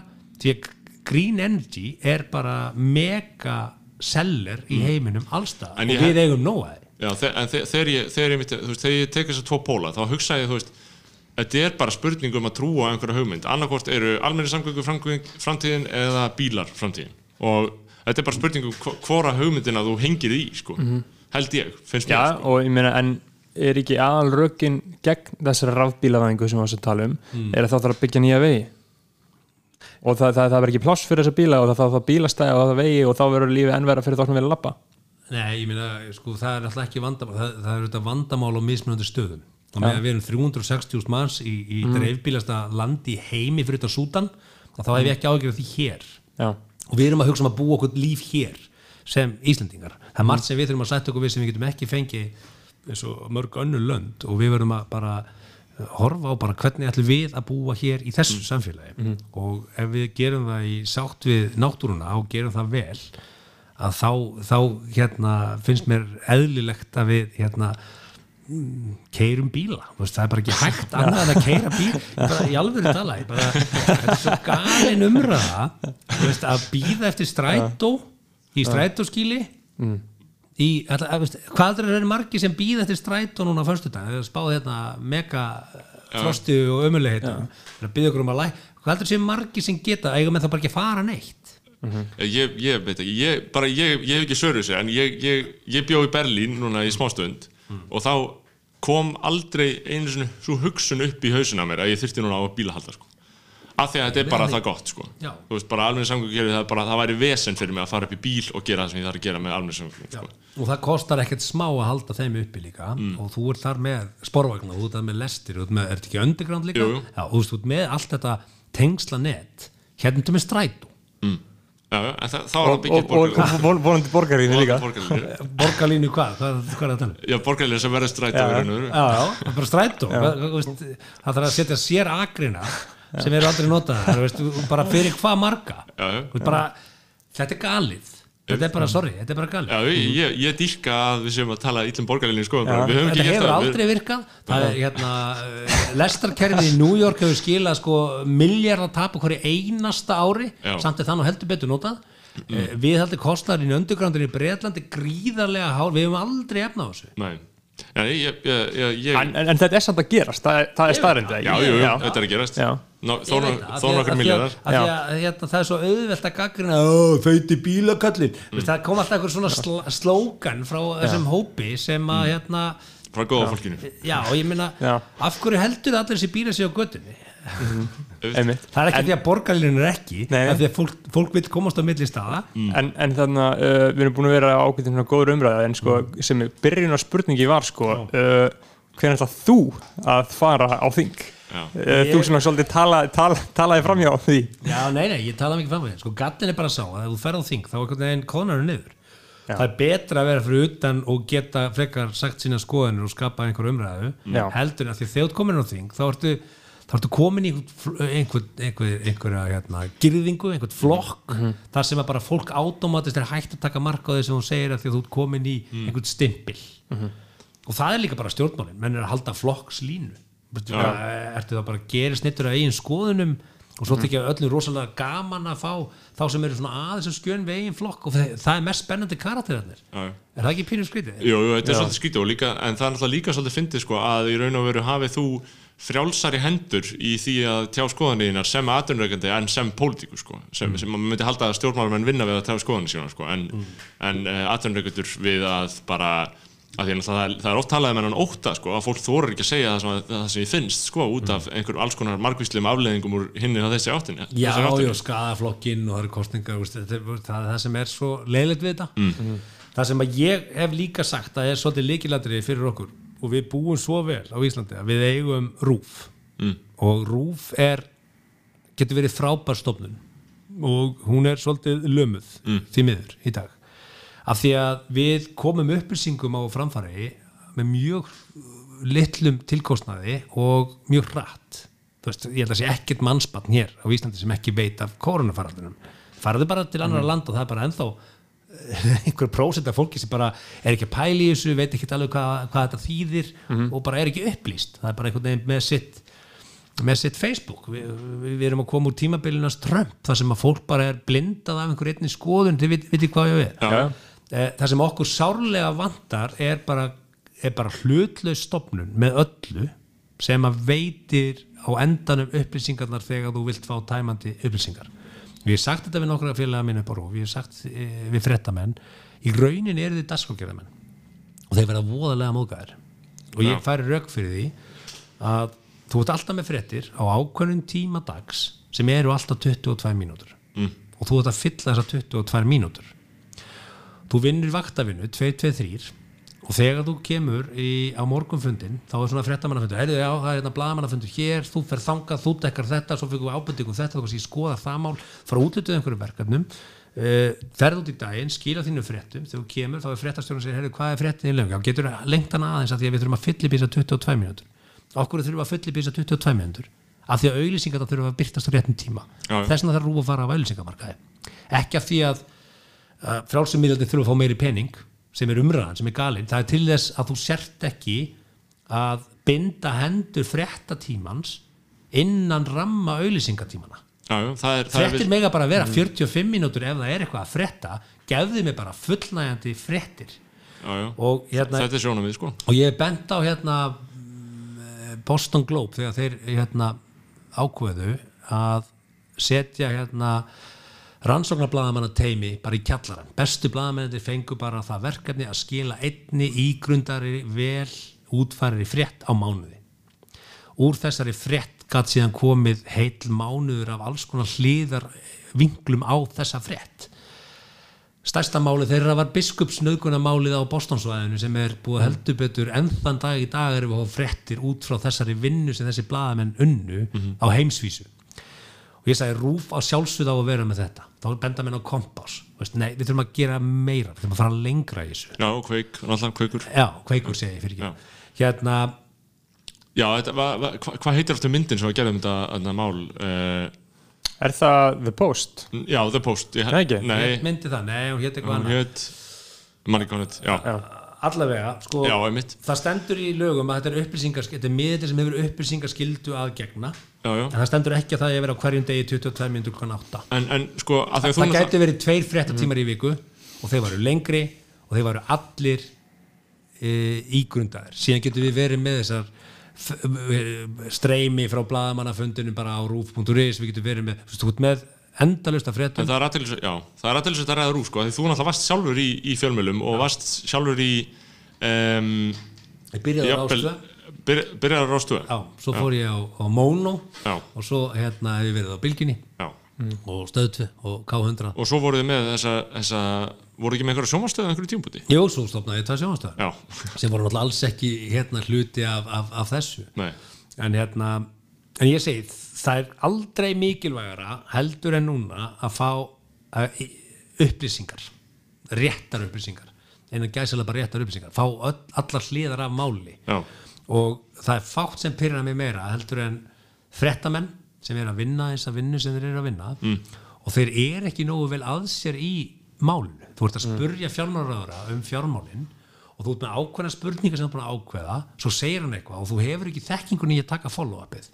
Hvað varst að segja, fyrir ekki, þú varst að, skilur þú ert bara að ferða á næstu spurningu. Ég held að þetta er, þetta er mikið vandamál í íslensku fjölmjölum að, að, að þeir sem er að spurja ráð þeirra að hlutum og ég reynst þessu sjálfur við erum að vinna með MBL þetta eru bara við nokkri úlingar sem erum með einhverja mæka og förum upp að þeim og segja þú mátt tala, þetta er basically þetta. Ég, ég veit það, og, og, þetta er og, en þetta er líka því að það er svo mikið eru spekileiki lág launin eru lág Já, já. sem er líka ekki gott fyrir gaggrina umræðu því að ef þú ert rosalega gaggrina og metnaðafullu fjölmjölamæður Mm. þá bara veistu að þú ert bara að brenna brýra baki verður kannski ekki ráðin í vinnu þegar fjölmjölaferlinu þínum er lokið af því að þessi á þetta fyrirtæki og hinn á hitt fyrirtæki. Mm. maður hefur það stundum á tilfinningunni að blaðamenn sé bara býða til að fá tilbóð um að fá að vera blaðamanna fulltrúi þessa fyrirtæki Þetta snýst, þetta snýst, ég held að blaðmennska snúist mjög mikið, eða bara fréttamennska á öllu landinu nú snúist mjög, snýst mjög mikið bara um uh, sagt bara ver, ég get, ég get sagt það þannig veruleg hluti af þeim sem er að vinna þarna eru að hugsa þetta sem stökkball inn í eitthvað. Eitthvað annað. Að því að, að, því að framtíðarhorfurnar eru engar það er allir að tala um að þú getur ekki fengið laun þú getur ekki unni við þetta til frambúðara þetta er bara ómikið álag, oflítið laun, Akkúrat. oflítið peningur. Þannig að það er, það er algjörlega vandamál sko. og, og gr- grunn vandamálið er bara rekstrar móterið Já. að þú getur ekki rekil fjölmiðlir fjölmiðil uh, og látið hann skila einhverjum hagnaði eða getur ráða fullt af fólki í vinnu en, Rúf en á ekki að skila hagnaði, Rúf á að vera kostnaður sem er þjónust við okkur og veit Mm. okkur réttar upplýsingar og tæmandi upplýsingar alveg eins og BBC vinsætti sjónvarsættur allra tíma var hérna, Top Gear sem ég kom inn á áðan. Mm. af hverju var hann svona vinsætt því að hann var að segja bara satt, hann var ekki að fá bíl lánaðan frá einhverju umbóði til þess að fjalla vel um hann. Þeir keiftu bílinn og rústuð honum og sögðu síðan bara þetta er krapp eða þetta er frábært. Og hann var trúverður, þess vegna horfi fólk á þetta. Uh, þetta er það sem að vantar í fjölmýlaflóruna og þetta er það sem að á að vera megin hlutverk rúf það er þetta. Að veit okkur upplýsingar blaðmennandi þarna og fréttamennandi þar eiga að vera bara eins og alþingismenn. Ef að þeir þegar þeir eru búinir með sitt, sína starfsæfi þá eiga þeir bara að vera á eftirlaunum sem eru sómasamilega. Þeir eiga ekki að þurfa að fara svo á vinnumarkaðin og leita sér að vinnu. Einmitt. þannig að þeir eiga að vera vicious. Þú ætti að skýti í buksunar þegar rúf ringir í þig. Einmitt. Bara eins gott að ég sé með mitt á hreinu. Þetta bara vantar. Einmitt. En þetta er, ég meina, þú veist, það er bara mikill samgangur á milli þess að vera, það er bara mikið vel að hoppa á milli rúf og inn í stjórnmálinn og, og upp í, mö- vera aðstofamenn og við sáum það síðast bara nýr aðstofamæður uh, Bjarni Benditssonar er, er Hersir Aron sem var að vinna vissulega, jú, á mokkanum og síðan vísi, ég held að hann hafi nú aldrei unni á rúf, sko, en aðstofamæður Lilju, Lilju Daggar er, er Milla Ós Magnúsdóttir, hún bara frétta konar rúf lengi og, og þú veist, þetta er bara, þetta er bara, það er bara samgangur, sko. Eh, Já, ég, ég er að segja og þetta, þetta auðvitað á að vera okkar krafa sem skattgreðenda að vel sér farið með Já, já. og svo erum við fjölmjölafrumvarpið ah. svo erum við já, já, fjölmjölafrumvarpið já, já en, en, en, sjáum hvernig því reyðir af, ég veit ekki alveg hvernig það fer sko en, en þetta, þetta finnst mér vera mjög mikilvægt og er hluti eitt, eitt, eitt af púslunum í að leysa samfélagsumræðuna og upplýsinga hérna til okkar til þess að meta raunverulega ertu að segja mér eitthvað eða, eða er eitthvað á bakveða sem þú ert að segja? Og fakt tjekka já, já. kostningasjónarfið sem kemur núna og verður núna næsta haust verður þannig að formen hérna, flokkana koma í sjónvarsal og þá einhvern veginn að deila allir í að fá jafnan tíma. Af hverju? Veist, það fyrir eftir því hvað þú segir hvort þú fáið jafnan tíma Mm. þú veist, hérna, já herðu þú sagðir eitthvað sem að ég væri rosalega til í að fá að fakttjekka hjá þér en, en ég, næsti þarf að fá spurningur við erum alltaf að vinna í þessu tímaleysi að því við erum að búa til dagskrákjör við erum ekki að búa til raunverulega sem vantar sem eru upplýsingar þar. Og þetta finnst mér vera mjög mikilvægt atriði já. fyrir okkur sem samfélag.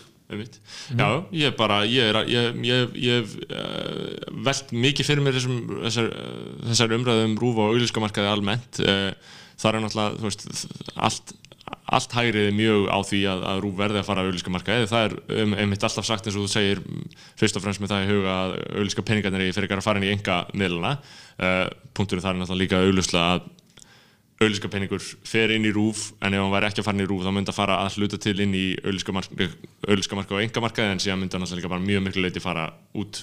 Til Facebook Já, en umræðan snýst ekki um það hvert hlutverk rúf er sem er raunverulega sem við ætlum að ræða. Og það er það sem ég kannski er reyna að benda á hér. Já. bara við verðum núna að standa vörðum upplýsingagæðin sem að við erum að veita það verður að vera eitt svona en það, hefur stóð kannski, stitta en það er kannski ekki eitthvað algjört úslita atriði uh, hjá uh, sérst, í þessari upplýskumiðlun að þeir fari af auðlískamarkaði þú veist, vissulega þessi tímarami er ekki heilbröður en það horfur engin lengur á þetta í línulegri dagskrá eða þú veist, ég, ég horfur aldrei á fréttir í línulegri dagskrá ég horfur íti bara á þetta rúf sko, þannig að ég held að það sé ekki endilega aðalmáli enda, enda segi ég, það er bara umræðan er bara komin í þetta um, um rúf í staðin fyrir að tala um hvað, Mhm. erum við að greiða fréttamönnum?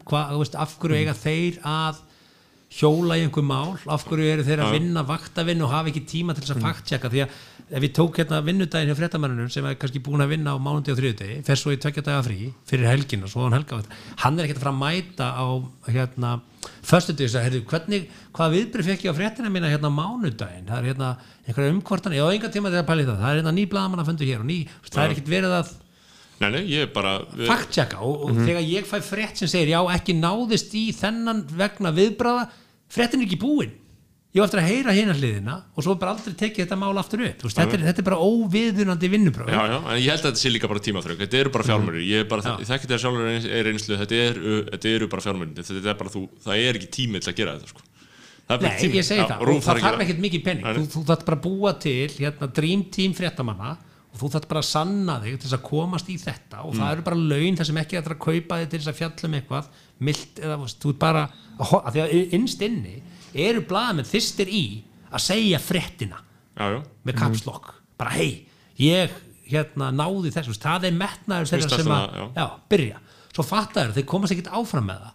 Þú veist, þeir, þeir get ekki þeir get ekki einhvern veginn unni þannig. Þeir þurfa að vinna bara í að sækja frétt og sækja efni til þess að fylla þess að 22 mínútur. Hægt og reyðlega kona með niður.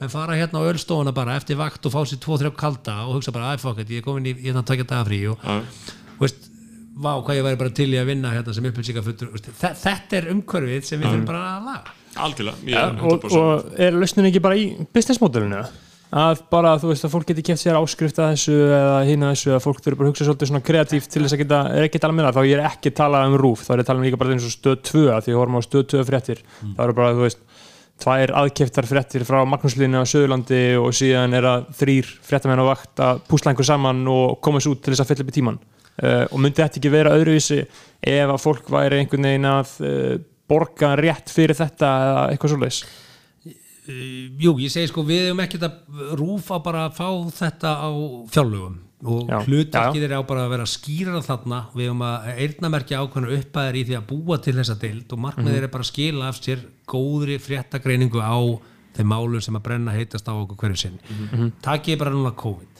við fáum fréttur á hverjum einsta degi um COVID það er bara verið að þylja upp tölvita sem komin á COVID.is það er bara verið að fá sömu tukkuna upp úr sótvartaglækni og það næst ekki stjórnmálamenn, þeir eru ekki dregnir inn í myndina þeir eru ekki krafnir svara um það hvort að þú veist, menn hafi raunverulega rætt einhverju hluti af því að stjórnmálamenn leifa sér að segja, nei, ég kemst ekki, ég hef ekkert um þetta mál að segja.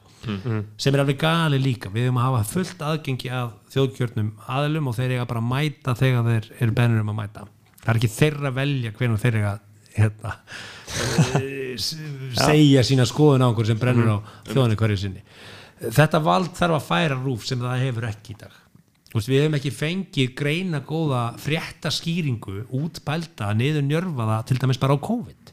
Bara förum honi í allar tölundar hver er meðaldur þeirra sem hafa látist? Hvað er, hver, veist, það er nú samt svona alveg reglulega, eitthvað svona aðeins, eitthvað. menn hef ekki gefið upp þessar upplýsingar. Menn hef ekki gefið upp upplýsingar að hvað af þessum 310 sem voru lagðir inn á spítala vegna COVID voru þegar á spítala. Mm. vegna einhver annar mála. Hver, veist, hversu raunverulega hættulega er þessi veira meða við bara hver er samanbörðin við hérna, hver pestina sem var í fyrra? En mér líður samt eins og þetta sé löngu komið fram, sko. Kannski er það bara eitthvað sem... bara Mér, mér líður eins og að við sé alveg sirka vita hversu hættulegt þetta er og, og svo framvegið, sko. að því ef verkefni er að tryggja það að einhver faraldur fari ekki mm. þá erum við að standa okkur mjög vel í því og þú eru alveg fullt hróskili fyrir það.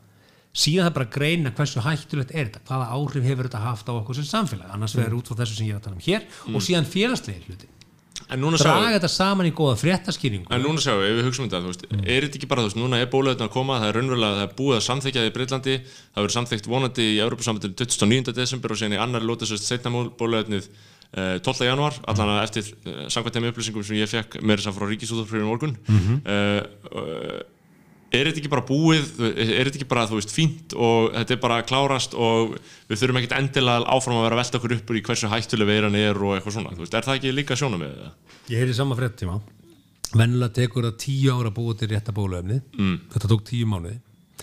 Eh, hvað eru margi sem ætla sér að taka bara bóluefni leið og kemur? Myndi þið taka sprautinu bara strax núna? Já, ég held það bara á þess að spyrja. Uh, ég veit ekki, ef að. FDA Evropasambandið, Bretland allar þessar samstæði stofnarnir eru búin að samþykja þetta. Ég hugsa, þú veist, það lítur á fólk að vinna þar sem hugsar hérna veltur þetta algjör, veist, alveg mitt mannál veltur á því að þetta standist það sem við erum að gera, skilur Já, ég, sko, ég, ég segi bara að bóluefni, sama hvað það er það eru hérna margar útgáfur af því. E, margar hérna hörmungarsögu til af því ég skal bara segja fyrir mig, ég hef ekki oft farið í neina, í bólusetningu almennt, ég er mjög heilsurhöstur, 7-9-13 mm verð sjaldan veikur. Og þetta er bara eitthvað sem að ég þarf að hugsa hvort að ég bara vilji yfir höfuð hérna taka. Já, en, en af hverju? Er það bara út að þetta er vanlega tíu ár? þessu, við áttum okkur því bólusetning er bara í hugmyndafræðinu það er verið að smita því með hérna, með sömu efnum og eru í gangi Mhm. eh, nema það er búið að gelda einhverja ákveðna stopna innan eh, veirunar en þetta er eftir því mótefni Mhm. þú getur alveg veikur í marga daga eftir og tek, tekur bólusetningu Þú veist, það Mhm. er alveg þekkt, fólk fyrir bólusetningu er bara frá í tvo daga og eftir og svo er það bara orðið stáfsleið og það er líka verri sögur ég, ég ætla ekki að fara að dreifa einhvern hræðslu áróður um þetta ég held eins og vegar að þegar bólefni verður komið og standi okkur til bóða hér að þá verður við með mjög langan debatt um það hverjir ætla að fara, hverjir ætla ekki að fara við verum búin að skipta upp hópnum í tvær fylkingar þar sem að þeir sem eru búinir að taka er að ásaka hinn um að vera að draga úr þú veist, virknin í samfélaginu þú veist, þetta er ekki bara en heldur að þetta getur orðið svona ég, ég, 100%. ég ímynda mér að þetta verði bara já, já, let's go, allir að drulla sér þú veist, þú getur bara klárað þetta svo það, er, kostningar það er sko. ekki þannig Ég held, eða þú veist, ég held hana fyrir mig ef að Þórólum myndi bara segja bara já, let's go þá bara hika ég ekki Nei. Treyst honum já, en það verður ekki þannig. Þetta verður, það verður, það verður löng umræðum um það hverju taka og hverju taka ekki. Og síðan verður farið að nota svona ákveðin þrýsting. Herrið, þeir sem eru ekki búin að taka bólum þeim með ekki nota þetta, með ekki fara í flug. Það verður, það verður búið þetta til til þess að þrýstamönnum þanga þetta áttur að verða mega umræða. Já, ég get alveg lofa Já, ég, ég er svolítið hrættur um það að það sé rétt sko. en, en það sem ég segi er, þú veist, drullaði það bara bólusetningu. Ég myndi ég segja við manneski sem væri, þú veist, að kvartundur svo, ég, því að ef að við getum, að, við getum alltaf ekki alveg sanna fram á að sé alltaf lægi með þetta en þú veist, augljóslega hlýtur að vera í lægi með þetta efni, sko. ég, ég held reyndar að, að það verði mun færri sem segja nei við þessu heldur en öðrum bólusetningum almennt, já, vegna þessarar uh, þreytu sem er bara almennt komin í alla Einmitt.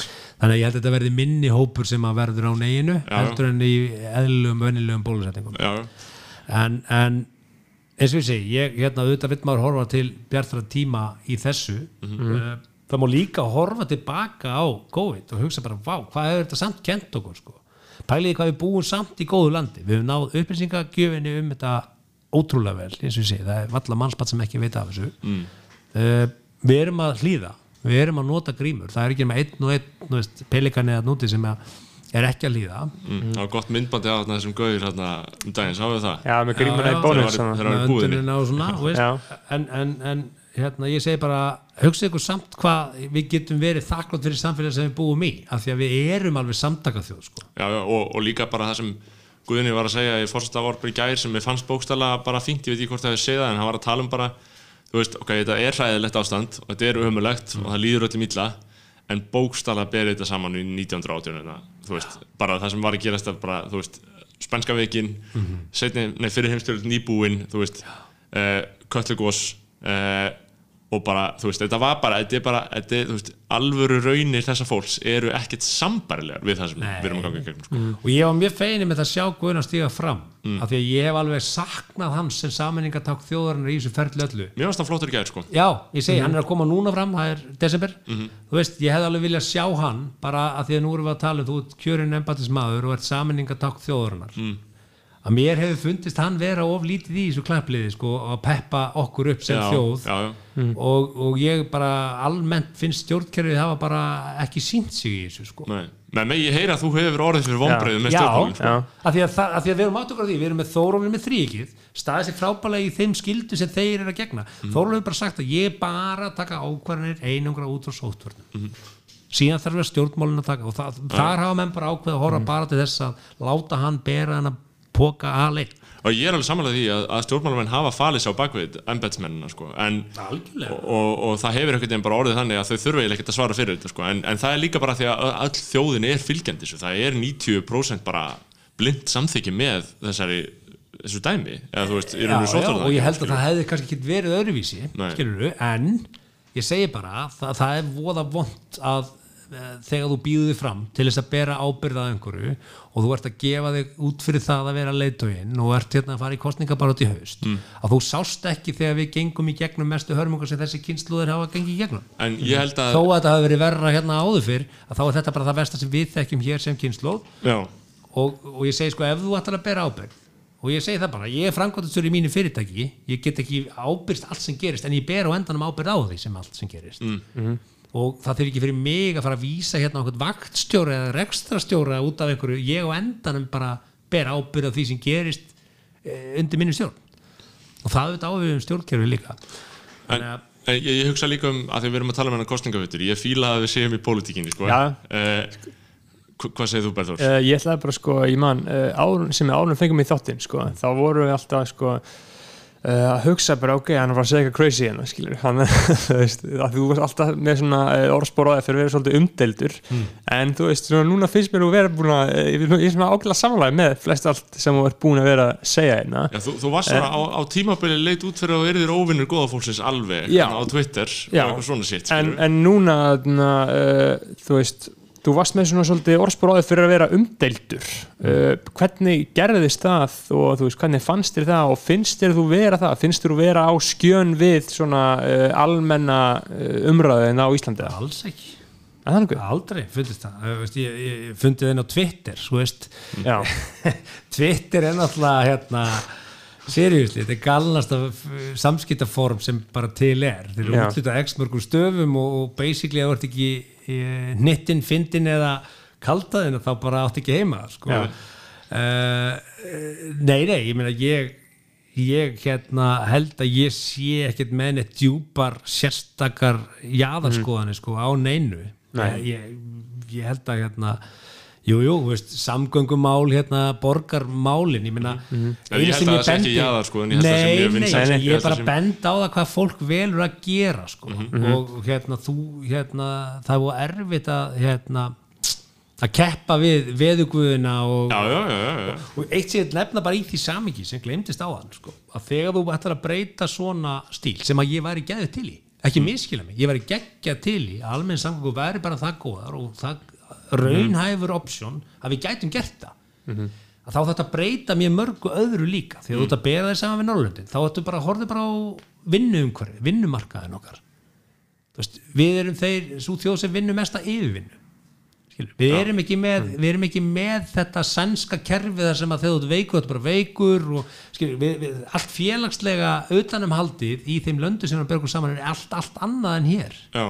Þú veist, ef þú ert á örgubótum einhverju leiti og ert að vinna eitthvað aðeins með því til þess að halda hvernig ekki þessu, þá, þá skerðast örgubæðin er ekki alltaf lagi með þig? Þú veist, það er svo margt annað til hlýðar við það af hverju samgöngumálun okkar er ekki virka Já, já. að það að horfa á það tunnel vision og ætla að fara að la- laga það að einhverju lífstíl sem er enga veginn raunhæfur. Það er það sem að mér fyndist vanda í tengingunni ég, í ég, skil, ég skil þá Já.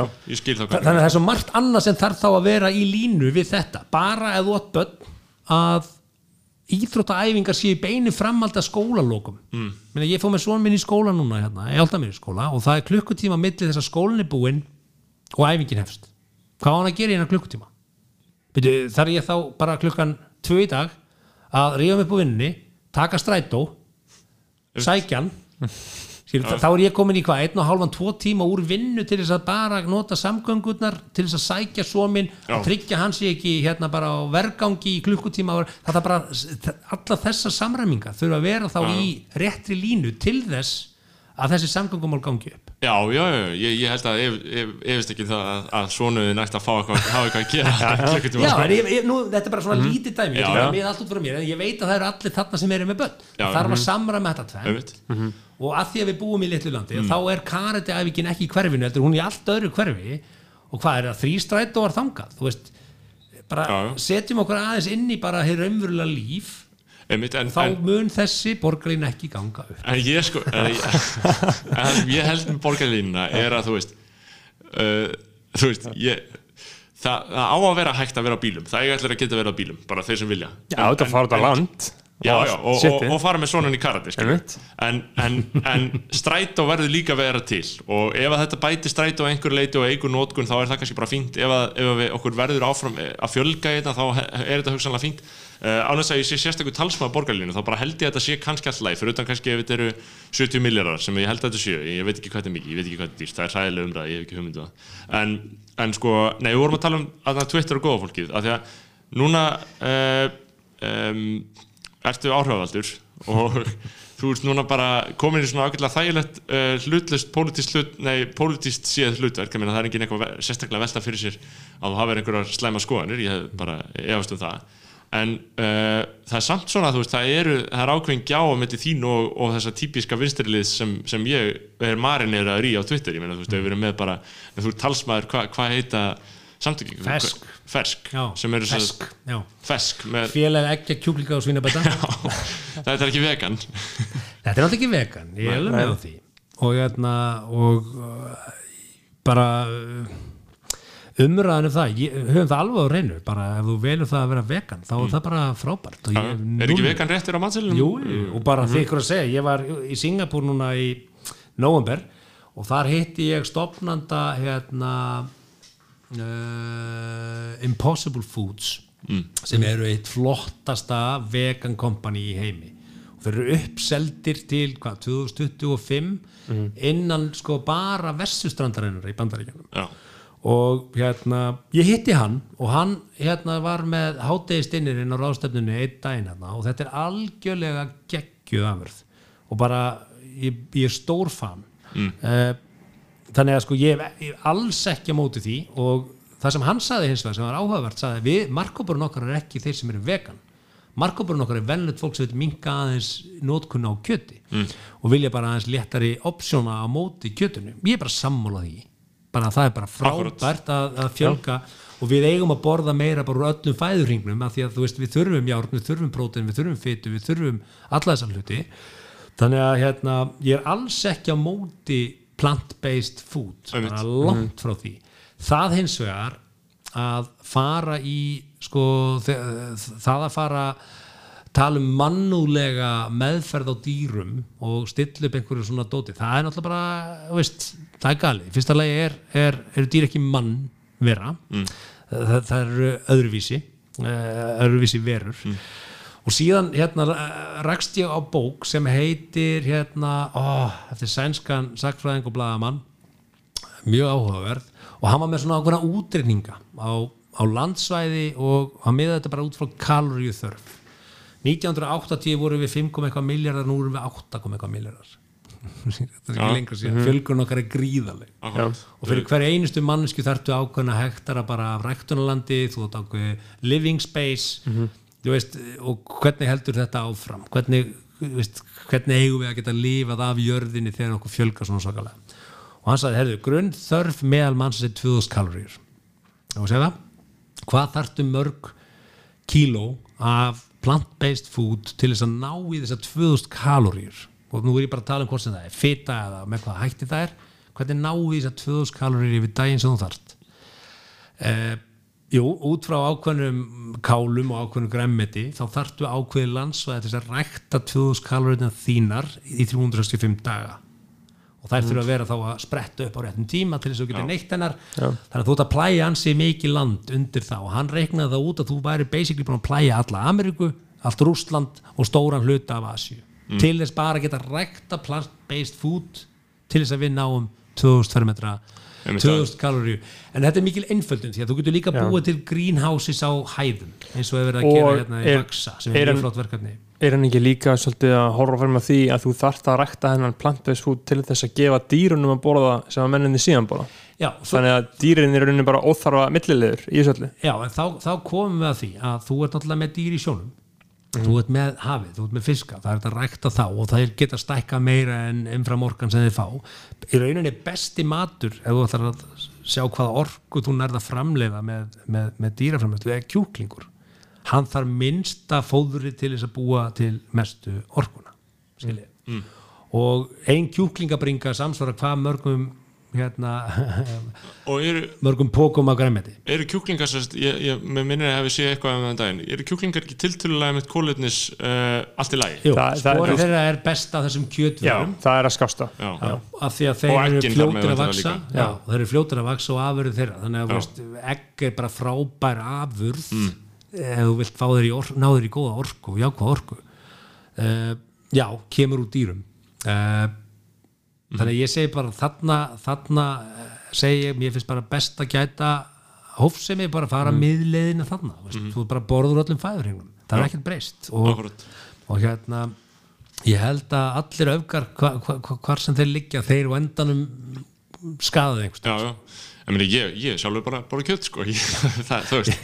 Þarna, uh, og skýr uh, en, En- en- en, ég, ég er með samanskupið út af því skilur Ertu með? já, Ég, sem er náttúrulega galið, af, af hverju? ég, ég veit ekki. Mér er líka eins og, og það sé rétt að vera með samanskupið út af því skilur. Sko, hérna uh, við, við getum líka rætt þetta út frá bara staðalmyndum í útliti. Mm.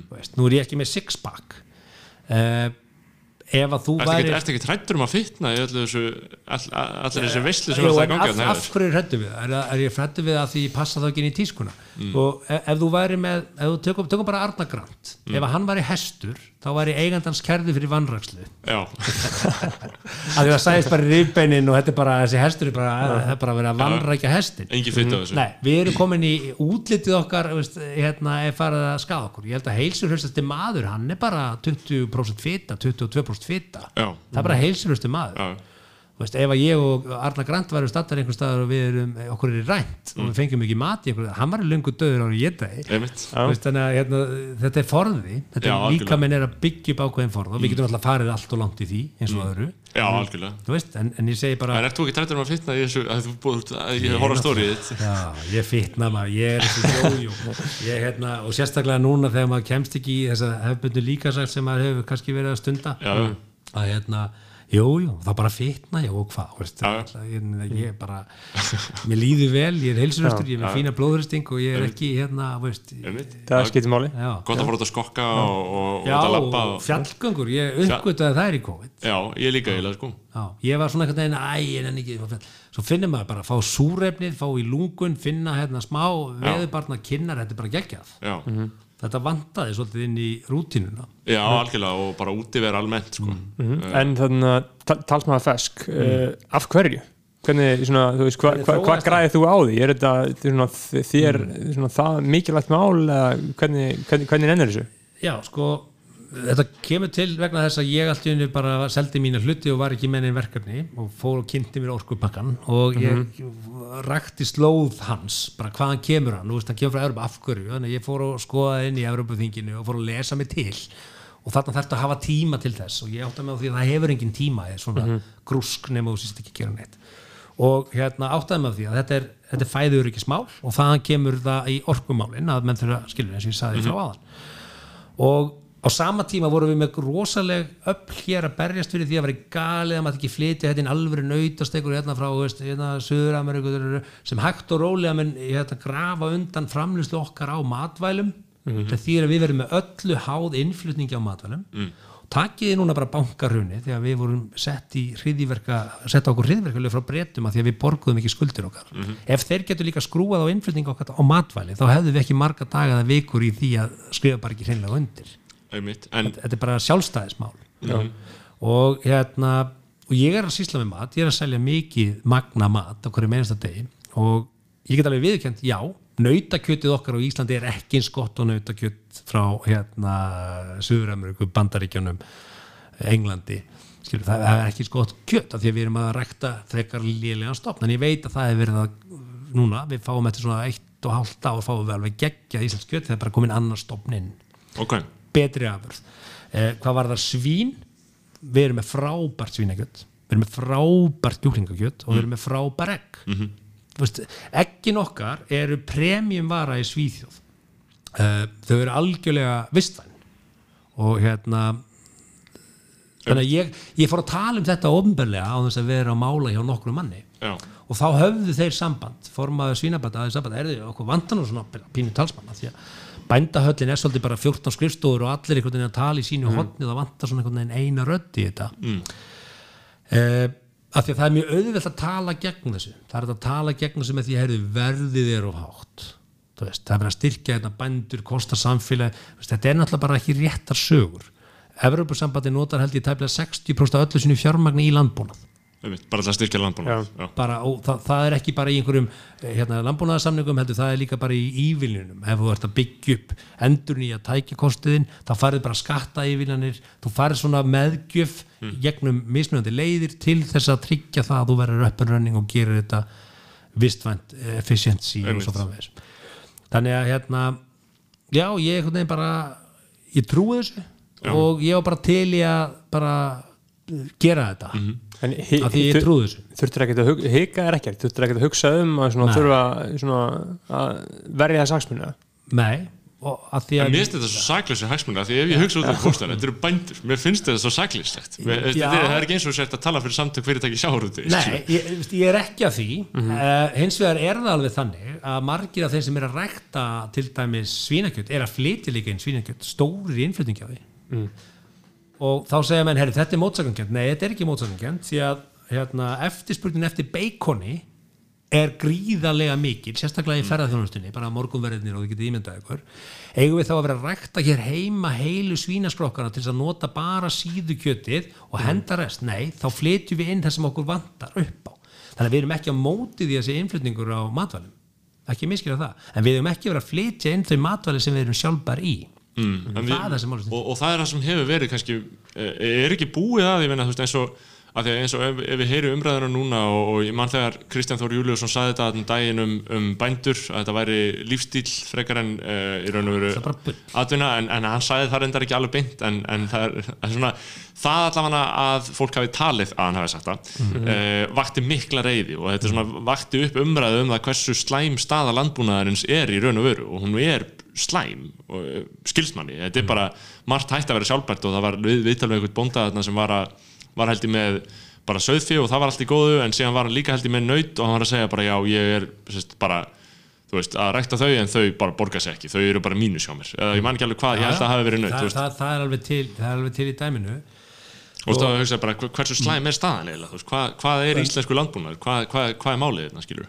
Ég hef líka leift mér að gaggrina landbúnaðin sko. það er engin yfir að, að gaggrina hafin ég meina að söðfjárbændur þurfa aðeins að hugsa hlutina þessu upp á nýtt. Í dag eru þeir bara að slátra á haustin þannig að þú fær fest lambakjöt bara á haustin annars er þetta alltaf frostvara. Það er hægt að slátra oftar en bara á haustin. Það er bara af því bara, þeir eru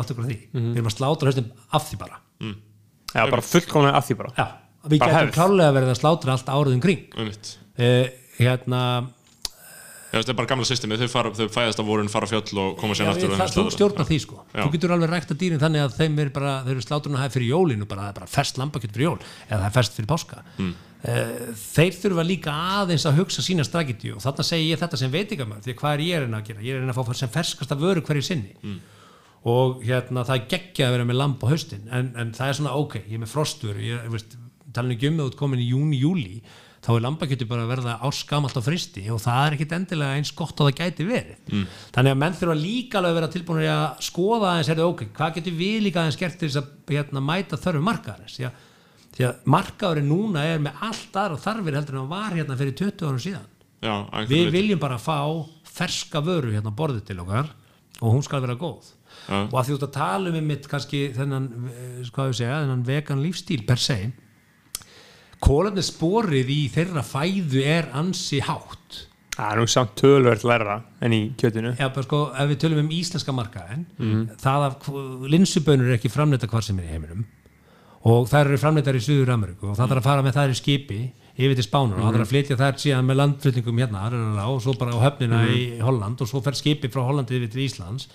Ef þú reiknar kólefnisspor linsubönurinnar Það er samt læra en kjötu Ég veit það er það það ekki. Ég Það er veit það ekki, ég hef ekki hugmynd sko. Ég hef en, ekki en hugmynd ef þú sko. ætlar að taka þetta aftur lampaga taka bara káluðu já, hérna, þá er það bara frábært. Ekkert mál, en, en það er rosalega mikið af hráefninu sem er í vegan slatti. innflutt eh, matvara sem hefur farið víð og dreif um heiminn í skipi, flugvil, vörubíl Einmitt. Og endar alltaf Sko, á skipi en, en, eins og ég segi, sko, ég er ekki sérfræðingur í þessum málum og ég, ég er heldur ekki vegan en ég, það, ég held að það sé nokkuð staðfest að það besta sem að þú getur persónulega gert og hvort sem að það skiptir einhverju máli hvað maður getur gert eitthvað persónulega gagvart loftslagsvonni að þetta er allt náttúrulega bara kerfisbundi það skiptir þannig sé engu máli hvað neitt gerir svo lengi sem að ríkistjórnir og stórfyrirtæki gerir ekki neitt þá held ég að það besta sem að þú getur gert persónulega er að vera vegan. Og ég er það ekki þannig að ég er ekki endilega Ja, ég- að tala fullkomna með því en hérna, ég get ekki skrifað upp á þetta. Og hérna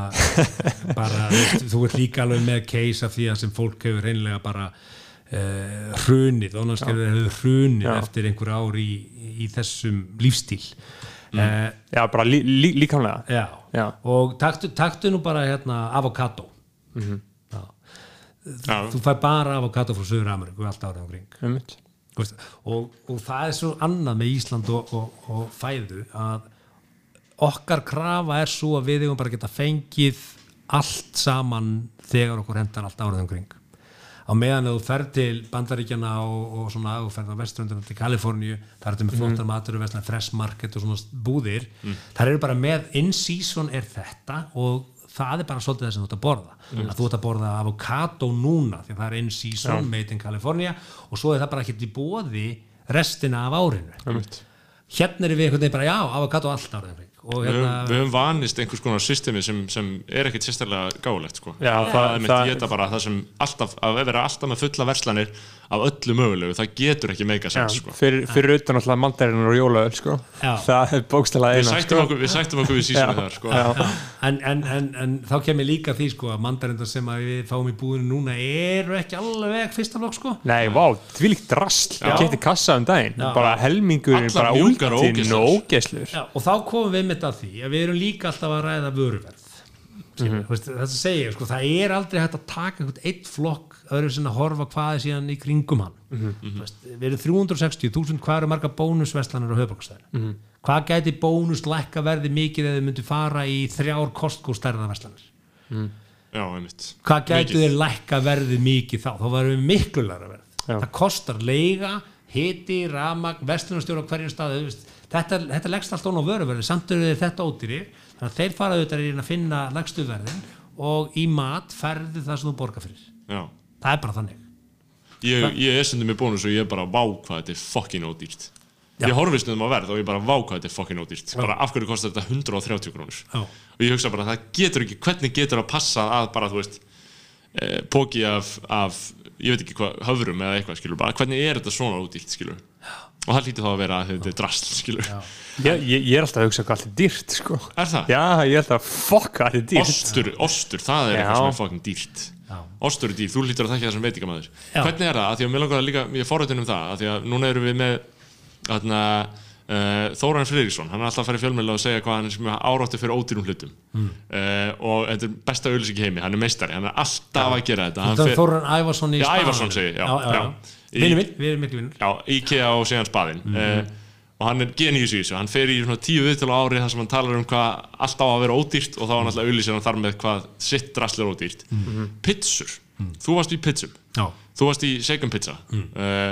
þið voru með fjóruðu bestu pizzu heimi. Það var hann að skilti sem var hann uh, bara hjekk svo lengi. Ég hugsaði um, allar ekki að fara í einhverja nýja herferð með þetta, en þeir heldu þessar auðlýsingum mjög lengi að það Uh, hvernig er að búið til pizzur, hvernig er að baka pizzur og hvernig er pizzu samkjöftin á Íslandi? Dominos, Spaðin, Pizzan hvað er að tala um? Spaðin er hann. Er nýja, það eru þórni. Hvernig er að Já. selja pizzur, hvað er að gerast þar? uh, byrjum við, það, þetta er ópen spurning sko. Uh, Hver er framleiðin, hvað kostar að gera pítsu? Já, bara, þú veist, og er það, ekki- það er fín framleið í pítsu það er skýtlegt að græða mikið pening á að gera pizzur eða ekki, af því að til dæmis, þú veist, ég veit ekki og síðan líka vinsælt, svo vinsælt flatei, Ja, þú veist, fólk vill bara pizzur, skilur Já, pizza er, er, er f- frábær skyndibiti mitt til þess að taka með heim. Þetta er svona eiginlega besti skyndibitin til að taka með heim. Já, það og hlöllabátar og myndi ég segja, það er erfiðara með hambúrgara því að hambúrgari á að vera með ákveði hitastig og þú vilt hafa ákveðna steiking á honum. Uh, þannig að það er svona erfiðara að, að, að gera hann frábæran þegar heim er komið. Mm. svo er pítsu misjafnar. Ef þú ferð í eldbakaða pítsu þá er hún ekkert sérstök í, í heimtöku af því að botnin verður eiginlega svolítið mjúkur og sjekki og blöytur þú vilt borða það bara eiginlega á staðnum það er svona misjafn sko. En uh, mér finnst það mitt mjög aðrilsvert, sko, þú veist, að hambúrgari, jú, það er hægt að ekki setja inn í þessi hita bref hjálpar það, af því að í þessu COVID-dæmi það er alltaf bara að vera að reyna að koma þessi heimsendingu, veist, og ég, ég, og ég hef mikla samú með þeim bara þeim erfiðleikum sem eru í bara, með, þú veist þetta er náttúrulega ekki eitthvað endilega sérstakir erfiðleika bundi við ykkur en bara að selja hambúrgari heimsendingu skilur, maður er ekkert mikið að detti í það skilur. Nei, nei, það er það ekki. Og franskar eru oftast erfiðastar í heimsendingunni. Já, þetta verður allt svolítið trekt og það sem við gerum eins og er það að við steikjum hambúrgaran örlítið skemur af því að hann heldur áfram að eldast í pakningunni. Og, og þannig höfum við svona náða þess að gera hann betri Já, heldur en hérna oft, er, oft menn lend oft í sko og við erum ekki að pakka hann í álpapír þar sem að þú basically bara hann og sjóðan og brauður og blökt og svona sko. Að við erum með vistvæna pakningar sem eru með smá öndun. Þannig að, þannig að gufan kemst aðeins út og þú ert ekki að hérna, gera brauðið alveg, alveg shaggy. Mm. en já já, pizzabransin er, er, er fínn bransi og það sem er þetta gott við hann líka er að þú getur unnið ansi mikið magn á, á fáum höndum þá er með góða pizzabakara þá getur þú gert ansi mikið af pizzum á skömmum tíma með fáastarsmenn já, og tímasetningin á því er í rauninni opnin. Þannig að þú veist, þannig að það er, það er mjög þægileg þá ekki að standa yfir eldurinni eins og þú stekir hambúrgar þá þetta verður bara með mann með spaða sem veit hvenær á að flippa Já. börgarnum og ákveð pláss á grillinu. Já, og ákveði pláss á grillinu og bara við komum 80 hambúrgar um okkar grill og við vorum að halda upp á eins og samanlega barinn og það bara sprakk allt það því að bara, það var bara ekki hægt að búa til x marga það á bara, þessum tíma. bara við fórum yfir limitið Já. og lendum í því að fólk sem átt að sækja þetta býði 20 myndur og þú veist það bara okay, var, var það ekki bara áhlaup. gjafa breyfu allir í góðu skapi? Já, veist, það er bara kiss og klappa, klappa, klappa, klappa kinn sko. en, en, en eh, fólk síndi líka ákveðin skilning af því að þetta var bara svona moment, þetta er ekkert eðlilegt. Og, og ég- það er nú líka kannski það sem er gott við einhvern veginn samfélagi núna sem var minna í den er að fólk er miklu upplýstara um customer service. Skilur, þú, þú veist hvað er góð, gott service og hvað er slæmt service og fólk hefur meiri skilning á hvað er að gerast. Einmitt. Um, að því að, að því að vera að tala um þessar pizzur eins og Dominos, þeir eru með bara tökla haldir á pizzamarkanum uh, það er engin svona rísi í til dæmis hambúrgurum eins og þeir eru að selja ba barjum, Nei. skilur, það er hambúrgarstæðar þeir eru ekkert að keppa við ofuröfli eins og, eins og þeir sem er, þurfa að keppa við Dominos. Nei, sjálfsög ekki. Dó, og hérna eins og bara bullan sem er frábær hambúrgari hann er það sem hann er bara stráng heðalugur hambúrgari það er kannski ekki svona veist, það er minna tillup að fara í hann. Þetta er svona meira grab and go útgáfa. Þú situr ekki lengi á búlun eftir að búið með borgaraðin basically bara kasta servietinu og þetta er farin já, á meðan nokkar kannski koncept er meira hverfi staður þú ert að koma út að borða og hérna, bjór og- já, þess meira tillup mögulega sko. Þannig að það er líka kannski bara konseptið sem, sem slíkt sko. mm. en, en já, pizzabransin er mjög þú veist, hann er mjög skemmtilegu bransi Já mm. og svo, erum við líka með sko að því að, að, því að við, erum, við erum ekki oft með, með alvöru business fólk síðan erum við með hlöllabáta líka skilur mm. hvenær keftir við hlöllabáta? eða hvenær? ég kefti mig inn í það bara fyrir rúmu ári síðan á áttamöri fyrra Já.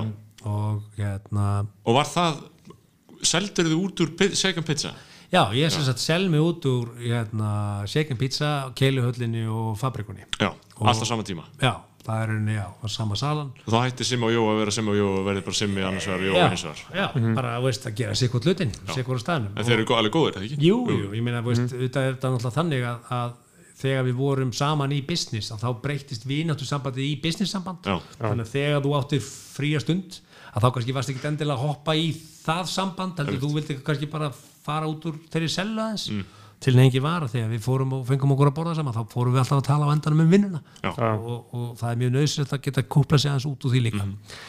En uh, já, ég er rauninni bara svona deildi ekkert alveg síninni hvert þeir vildu fara með fyrirtæki heilt og, og hérna og var bara, veist, lísti því yfir að, að, að ég var bara, þá bara tilbúin í að fara og gera aðra hluti og hérna úrvarð og það að, að leiði skilja. Já. og það er bara eins og með þú veist, út, út saman í liði einn daginn og svo mætur honum á fótboltavellinum hinn daginn. Akkurat. Þú veist, það, er ekkert hatur en menn eru klálega að keppa inn á vellinum og svo er menn fyrir utan bara að fara fyrir og skiptast að þeim og eitthvað svona sko. en hérna já, í, og þá í rauninni fer ég í þetta svona, hvað ég segja næstu því ár þar sem að ég bara er aðeins að pæla í hvað, hvað næst og hvað langar mig til að gera. Og ég trúi því að ég trúi því að uh, ef þú hefur áhuga á því sem þetta gera þá gerir mikið það, ef þú gerir mikið það þá verður góður í og hérna og ég held að þegar þú ert að nota 8 til 10 tíma á dag í vinnuna þina þá er eins gott og það er gaman að henni. Já, ef þú held að hafa gaman að lífinu. Því að það er búið erfitt að koma að vinnu sem er leðileg koma heim og verða bara rosa hress og já. það er bara ekki hægt. Svolítið, mikið vandamál sko. já, þannig að sko þannig að já, ég svona bara fór aftur inn í þennan geira og, og ég ætlaði svo sem ekkert að fara inn í hlöllabáta. Vinnu minn uh, er verktaki og eignast hlöllabáta uh, í einhverjum uh, viðskiptum. Og held að það er bara mjög auðvelt að reka það. En, en það er bara eins og með annað ef þú ert ekki bara on it og þá, þá gengur það ekki upp. Þannig ég kaup mig inn í það með honum og, og hugmyndi var alltaf að fara í þennan míningar sem að ég er búin að opna ég hafði mikið, mikið passion fyrir því og hann hefur svo sem ekkert ennþá komist í gang vegna bara COVID. Já, opnuðu í nóvambyrju fyrir það ekki? Nei, við opnum hann núna bara í sumar sko. við opnum Já, hann, míningarinn opnaði bara í júli Ok, já, þannig að við fengum nokkrar vikur þarna með 200 manna takmarkunum, staðurinn tekur 500 og svo erum við búin að lifa við 10 og 20 manna já, já, takmarkunum en hann, hann á í sjálfum sér allt eftir. En hlöllabátar, það sem að heitlaði mig við hlöllabáta er þessi orginal. Þetta er, þetta er síðan 1986 og það, hann á sér enga hlistaði veist, hérna, það, það er engin skyndibit í heiminum þar sem þú ert að pönnustekja samloku. Þú ert með Subway en það er ekki pönnustekt nei, nei. þannig að þetta er svona mér fannst einhver sjarmi af þessu og mér fannst hann eiga meira inni. Og, og fólk var svona bara búið að taka hann sem sjálfsögum var basically bara að fá sér hann döðadrykkinir í bæ. Já, akkurat og þess vegna fyrsta auðlýsingin okkar var í rauninni hefur þú smakað hlöllabót edru nýlega? Það var svona eins, einu ég man bara til að svara já. þessu. Já. og hún kemur bara frá mér af því að það var það sem ég hafði ekki gert. Ég hafði bara ekki dottið í huga að fá mér hlöllabót edru. Og hérna og mér fannst það betri og það er það sem ég saði í ég, ég, þegar ég er að tala um þetta núna, ég er á föstunni, ég verið svo til í ekki sko. uh, en sko, já, ég veit að því að þú, þú segir líka einmitt að þetta, þú veist, það, það þarf að vera on it, þetta gerist ekki sjálfur sem ég svona sem, sem bara einhver, einhver leikmaður, ég hugsa bara um að hlöllabáti, það er bara eitthvað sem rekur sér sjálft, þetta rekur sér ekki sjálft. Nei, það gerir það ekki og, hérna, og, og veitingarekstur er gríðarlega kröfu harð, harður rekstur. Af því að þú ert að vinna með dagskama þráefni Já, þannig að þú þarft að vera bara veist, hérna, hvernig er dagurinn í dag? Eh, þetta er everyday shuffling uh, business og, og, og snertir á öllum elementum. Þú ert, með, þú ert bæði með hérna, lagarstuðu, inventoríið þú ert með hérna, sölutölunar, marketingið og þú ert líka með þjónustu upplifununa sem er fyrsta snerting. Veist, þetta er bara first contact þjónusta. Þetta er ekki þjónusta sem ringir og það er bara einhver að tala við í síma og gaf þig góðu svörin ert með bara hvernig lítur við komandi út hvernig talar hann, er hann styrtileg hann ekki styrtileg þetta er alveg þetta er, þetta er öll bóksin já, og þarna, þú veist hvað, þarna, hvað keiri áfram í þessu? Þú veist, þú ert í þessu, þetta er algjör tark þetta er algjör vesen, fyrst er þetta svona gaman eð, eða þú veist uh, hvað er svona loka markmið í, í öllum þessum business? Af, af hverju alltaf meira og meira í raunin er ekki markmið meir og meira. Nei. en hins vegar eins og núna nú bara get ég sagt ykkur það við erum með höfðan staðin okkar upp á höfða. Hann er bara mögnuð eining. Við erum að afgreða frá því þú pantar matinn til þín uh, framleitan á staðnum á undir einn og hálfri mínútu í- þegar mest lætur. Og fólk veigra sig við stundum að fara í þessa bílaröð þannig að veist, við erum, við erum að eh, við önnum ekki eftirspurn. Þannig að það yrði ekki vittlust hjá okkur að skoða það að opna svipaðan stað einhvers staðar annar staðar á höfubokarsvæðinu aðeins fjær. Uh, við vitum líka að markkópur hlöllabáta er frekar karlægur þó að konundar hafi sínt sér meira upp á síkasti, við fórum í lágmálvetnabröðin og þau eru bara að virka mjög vel. Því að hlöll er ekkert óhóllu matur hann er fæðurringur, eins og ég nefndi á þú, veist, þú ert með kortmeti, þú ert með kvitu þú ert með græmmeti og þú ert með kjött uh, þannig að hann er ekkert óhóllur þó hann hafi nú kannski ásinn að stempil sko. Ég er sammála, ég, ég get ekki hægt að hugsa um hölla, ég eiginlega að fara. Verður að fara að fá þig. En þannig að ég segi sko að, að við þittum að skoða. Það kemur líka staðsetning inn uh, af hverju gengur höfði ár eftir ár eftir ár? Af því að jú, þú ert í hverfi það sem er mikið eðnamönnum, mm -hmm. karlæga bylgjan er svolítið mikið þar að vinna og menn eru á ferðinni. Sendibílar, þetta eru fólk sem er svona að flýta sér og, og þess vegna er þetta mjög góð staðsetning það eru fleiri svolítið staðir á höfðbókarsvæðinu en við að sjálfsögurinn svolítið að skoða það. Uh, við settum upp hérna, hlölla vagn á bílastæði fyrir utan míningarinn í skútuvói því það er svipa hverfi, hvað ertu með þar? Þú ert með sendibílan, þú ert með höfnina þú ert með hafnabakkan, þú ert með svona markkópurinn er svolítið mikið þar þannig að það er búið að vera brjála að gera þar. Og þar er steinar bara einn að opurreita mm -hmm. hlöllavagn og, Einmitt. og selugrimt sem er alveg magnað sko. Já, eh, þannig að það meikar sens að opna annan. Markmiðið hjá mér er ekki að vera stærstur og mestur, það Nei. snýst ekki um það. Það snýst um það að reksturinn sé góður, þetta skilja afkomi og við getum tryggt það að það sé rekstrahæfin í félaginu. Og auðvitað á endanum vil ég að það félag skila á endanum hagnaði sem síðan skila sér til mín mm. þegar að því kemur. Og ég er ekkert að horfa á það næstu 2-3 árin að það sé að fara að gerast því að við erum auðvitað að sleikja sárin eftir COVID. Það mun taka okkur svona ára ná okkur bara aftur á, á góðan stað og fyrirtæki þarf að skila hagnaði til þess að eiga mitt efni á þessum mögru árum.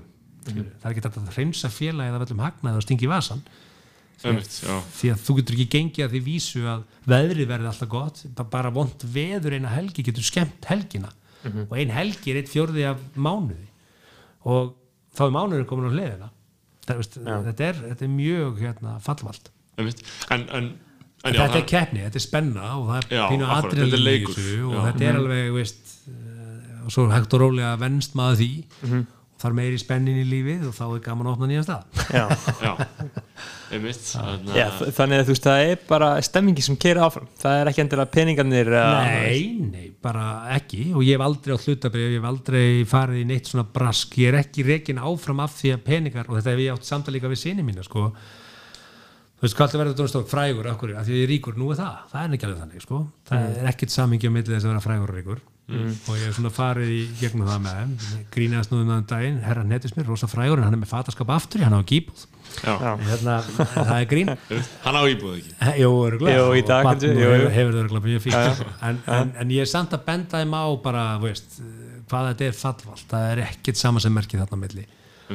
og hérna mér finnst það ógeðslega gott samtal sko að þú veist að, að tala um að, að mér finnst þetta áhugavert samtal því ég, hef, ég, ég fór alltaf að tala við börnin sínum að þau að gera það sem þau á að gera skilur en, en þú veist en þessi munur sem þú þekkir og veist af þessi að, að maður er ekki ríkur ef maður er frægur skilur. Já, það er bara ekkert þarna á milli. Nei, það eru margir frægir á Íslandi sem, sem eigi ekki Já, í er á broke sko. já, já. Og, og ég segi sko veist, síðan er spurningi hvernig notar það? Það, það að verða þekktur er þetta ákveðin forgjöf ef að við- á henni er haldið rétt. Mm.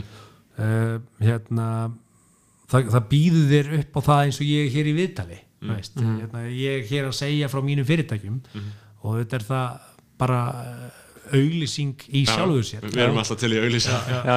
en, en, en, en aftur komum við á stærð markaðarins að hérna, ég á vini sem að vinna erlendis og eru uh, erlendi veitingamenn.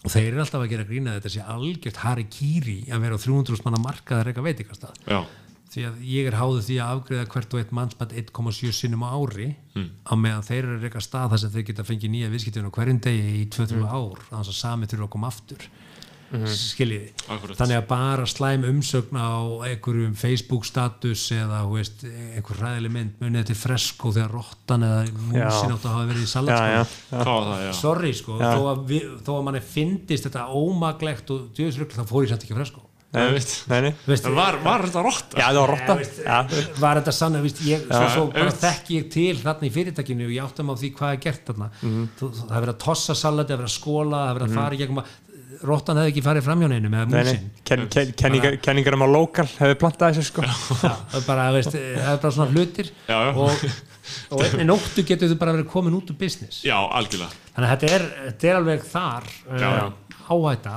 og, og ég kem að því aftur sko, alveg sama hvað ég auglýsi mikið hvað mín fyrirtæki eru frábær mm. ef að þú kemur og upplifir það ekki mm. að þá er það bara einna nættu gaman sko. Já, þú veist, þá er það bara búið Eh, þú verður að upp veist, og þá kem ég að hvað er þetta? Þetta er vendingastjórnun mm. allt í lífinu er vendingastjórnun ef við viljið fara út í heimsbyggi já, já, hérna, kæristöndun ykkar hafa einhverja vendingar til ykkar sem annarkvort þið fyllið fyllið ekki. Eh, hvort sem það er samband vinasamband. Mm. þú ert með vendingar til vina eins um að hann bregðist við einhvern veginn þegar þú ert í einhverjum aðstæðum eða að gera það ekki, þá bara, ha, ert fann að efast um vinátuna? Mm -hmm. vendingarstjórnun er allt sem við gerum. Og hérna og ekki síst í mat og þá komum við að því, hvað er síðan hægt að stjórna vendingum allra í mat smekkum manni misjafn sko. mm, og ég bara ber Mhm. fulla vinningu fyrir því að þú fýlir ekki eitthvað sem ég er að gera í mat það er bara eðlilegt, þú Mhm. mér finnst smekk sko. og hérna og þá verður maður líka að vera tilbúin í að taka gaggríni eða rýni til gags Mm. og hérna, það er mikill munur út á því já, já, akkurat þannig að já, við verðum að vera það sem við segjast vera mm. annars erum við dead duck En sko, já, einmitt. En, og, og, og, en, en hvað segir þú síðan við sinni ef, ef að þeir ef að, þú veist, að því að ég held að það sé sæðilegt að vera úlingu núna og hugsa þú veist að þetta er þú veist, ef, þú- ef þú spurð úlinga hvað þau vilja gera þá segja þau örgulega margir bara nákvæmlega þetta, frægur og ríkur, skilur þetta, er þetta eðlilegt markmið til að stefnað Nei, þetta, þetta, þetta getur aldrei orðið kvatin eða gullrútin sem þú ætti að hlaupa eftir sko. það, veist, það er bara ekki hægt. Það er bara að hugsa um, heyrðu, ég ætla bara að eignast peninga. Hvernig ég eignast ég peninga? Og þá endar einhver staðar þú veist að hérna, þú ert að gera eitthvað sem þið finnst kannski ekki gaman en, en kannski skilur einhverjum peningum og þá kem ég að því bara, veist, það er voða leiðilegt að eiga mikið af peningum og vera ekki hamingisamur það er verra heldur en að heldur en að eiga ekki peninga og vera að, að því að ef þú ert mikið af peningum og ert óhamingisamur þá bara leiðist út í alls svona vilsu að þú getur keift eitthvað sem er og ert bara farin að skemma sjálfatetri sko. þannig að hérna, ég held á endanum þetta um það að vera hafa áhuga á því sem þú ert að gera og hafa gaman að því og þetta er ót- ótrúlega einföldun þetta er bara það. Ég hef sagt við þá hérna, "Vil- okkur verði ekki smiðir. Hvað, okkur er smiðir? Nei. Ég meina, margir ríkustu mönnum landsins eru verktakar hérna og eru smiðir og eru að byggja þessi hús hérna, þú veist, hvernig var það? Ég reyndar er að reyna að koma þeim inn í ramags hérna, eh, áhugan mm. orkuna. Já, bara, Já. ég segi bara að það er allt meina, það verður allt rifið áfram hér á ramagni þú, munt alltaf þurfa að tengja ljós og raf, ég veit ekki um neitt rafvirkja sem hefur það slæmt einmitt. nei, nei, það er alltaf uh, alltaf eitthvað að gera það er alltaf allir uh, ekki á launum en gauri sem er að tengja snúruna hann er að fá borgað sko.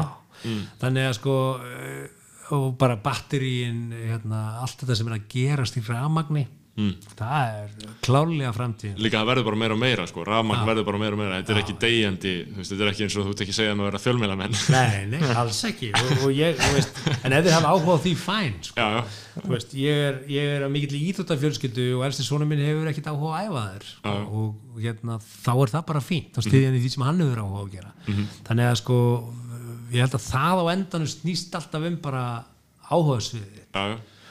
Og, og ég veit þetta er mikil einföldun en ef þú hefur áhuga einhverju gerðu það. Og ef þú getur ekki lifað í gerðu það þá í frístundunum þínu þangað til að kannski kemur tækifærið að þú getur lifað því. Einmitt. þannig að þetta er svolítið þar.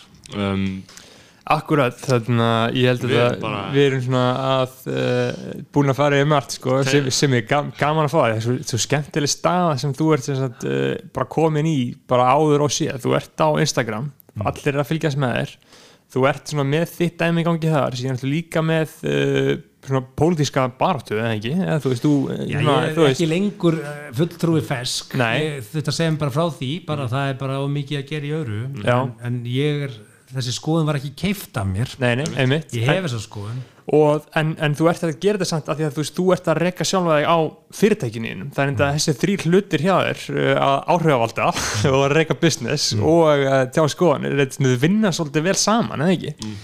Jú, svo framalega sem ég segi ekki eitthvað sem nexlar það, það, er- það líka gallin við það að fólk veit hver þú ert sko. En græðir ekki bara á því það?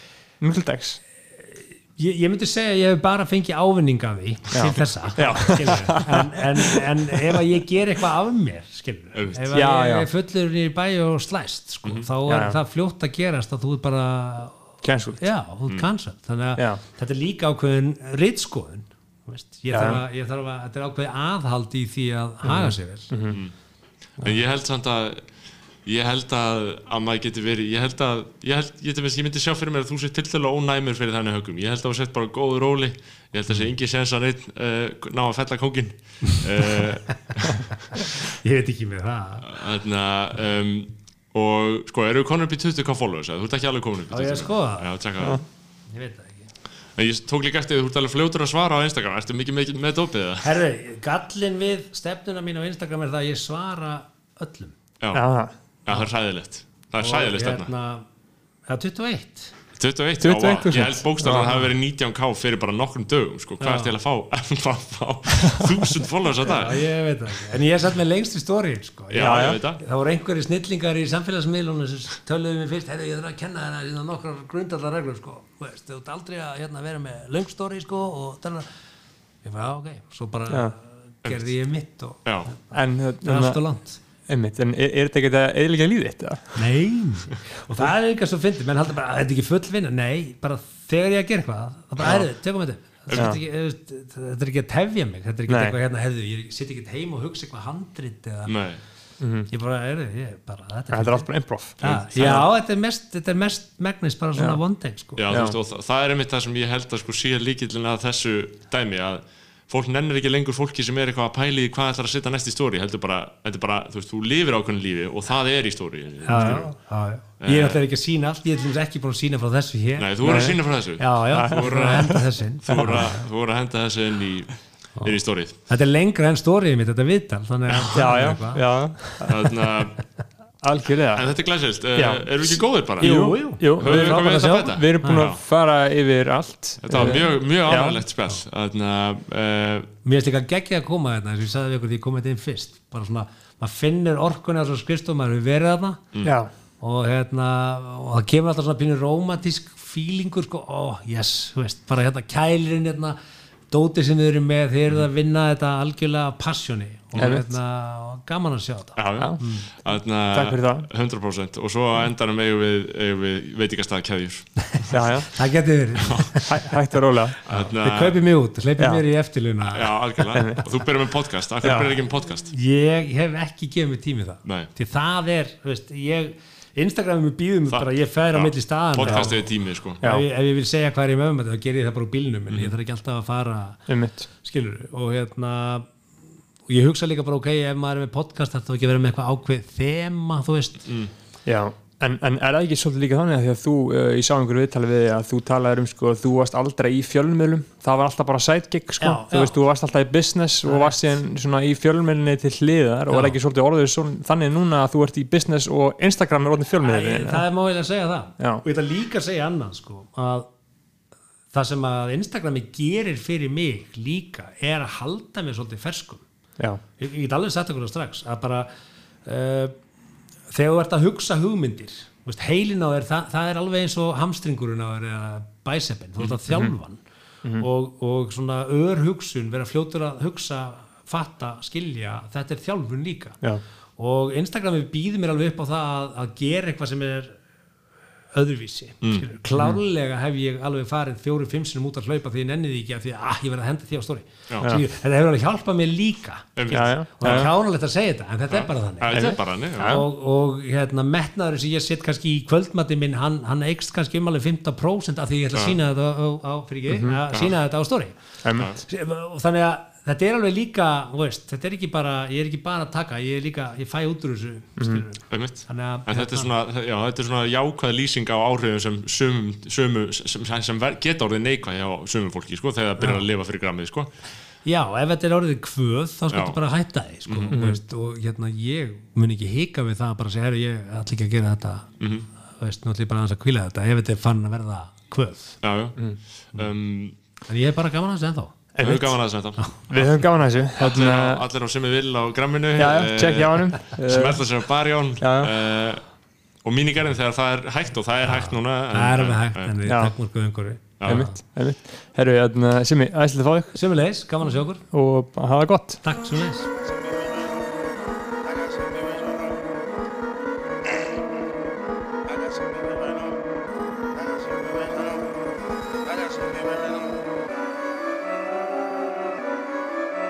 Yeah, no, I'm not Jordan, but I am the go. Diamond that way like a bull. Diamond that way like a bull. Yeah, diamond that way like a bull. No, I'm not Jordan, but I am the go. Diamond that way like a bull. Diamond that way like a bull. Diamond that way like a bull. I got some big rats right on me. I got some big rats right on me. I got some big rats right on me. I got some big rats right on me. I keep them big rats right on me. I got big rats right on me. I said big rats right on me. I got them big rats right on me. Big rats right on me. I keep them big rats right on me. Skin is right on me. Still got them big rats right on me. I got them big rats right on me. I got them big rats right on me. I got them big rats right on me. I got them big rats right on me. I keep some big rats right on me. I keep some nets right on me. I keep that pack right up on me. I keep that gap right up on me. Put your nigga back it up. Shot rat shoot at me and cook. Hit me one time, I'ma stunt. Purple leaking, I'm a good. Fuck you, bitch, I don't give a fuck. We get stoned till we throw up. I'm living out like the Jeffersons. Bible scriptures on my chest and shit. My pocket swollen of the professorate. If it can't cross my table, we dealt with it. I need me at least two like I'm stepping it. I'm so boo that these bitches are sipping it. I got bitches that been on the bando. I show niggas that's with it, no blindfold. We the monsters, we shine, we not folk. We so cool with the dough, we want moto. I know reds, I know blue, but no popo. I want ice in my tea, but no cocoa. When I fuck her, I perform a yoko. I pull up with game members, not solo. I got some big rats right on me. Got some big rats right on me. I got some big rats right on me. I got some big rats right on me. I keep them big rats right on me. I got them big rats right on me. I said them big rats right on me. I got them big rats right on me. Big rats right on me. I keep them big rats right on me. Skin is right on me. Still got them big rats right on me. I got them big rats right on me. I got them big rats right on me. I got them big rats right on me. I got them big rats right on me. Why I said Hercules, Hercules? I have my dope in my coking trees. Sticking your bitch like a porcupine. I rock that white while she snort a G. Finger licking nigga quarter key. Your money small, I call it shorty G. She up and down on it repeatedly. I fuck her hard on self apologies. Baby girl, color purple. Didn't need nursing, got a burp. Falling pills, nigga lurking. Top shot, kill my nigga. Never heard her, get the murder. Close curtains, no outburst. We real killers, not no crowd burst. Psych, bitch, I'm shooting every person. Catalyst, cataracts, rabbit shit. Fuck your mix, I'm the shit. She the shit. 40,000, she's a Birkin bitch. Looking, smelling, talking, walking bricks. Acapella, still I walk the shit. More I come from Cali, coughing shit. Ride Peter Paul, Walker shit. I got some big rats right on me. I got some big rats right on me. I got some big rats right on me. I got some big rats right on me. I keep them big racks right on. me. I got them big racks right on. me. I say them big racks right on. me. I got them big racks right on. me. Big racks right on me. I keep them big racks right on me. Stinners right on me. Still got them big racks right on me. I got them big racks right on me. I got them big racks right on. me. I got them big racks right on. I got them big racks right on.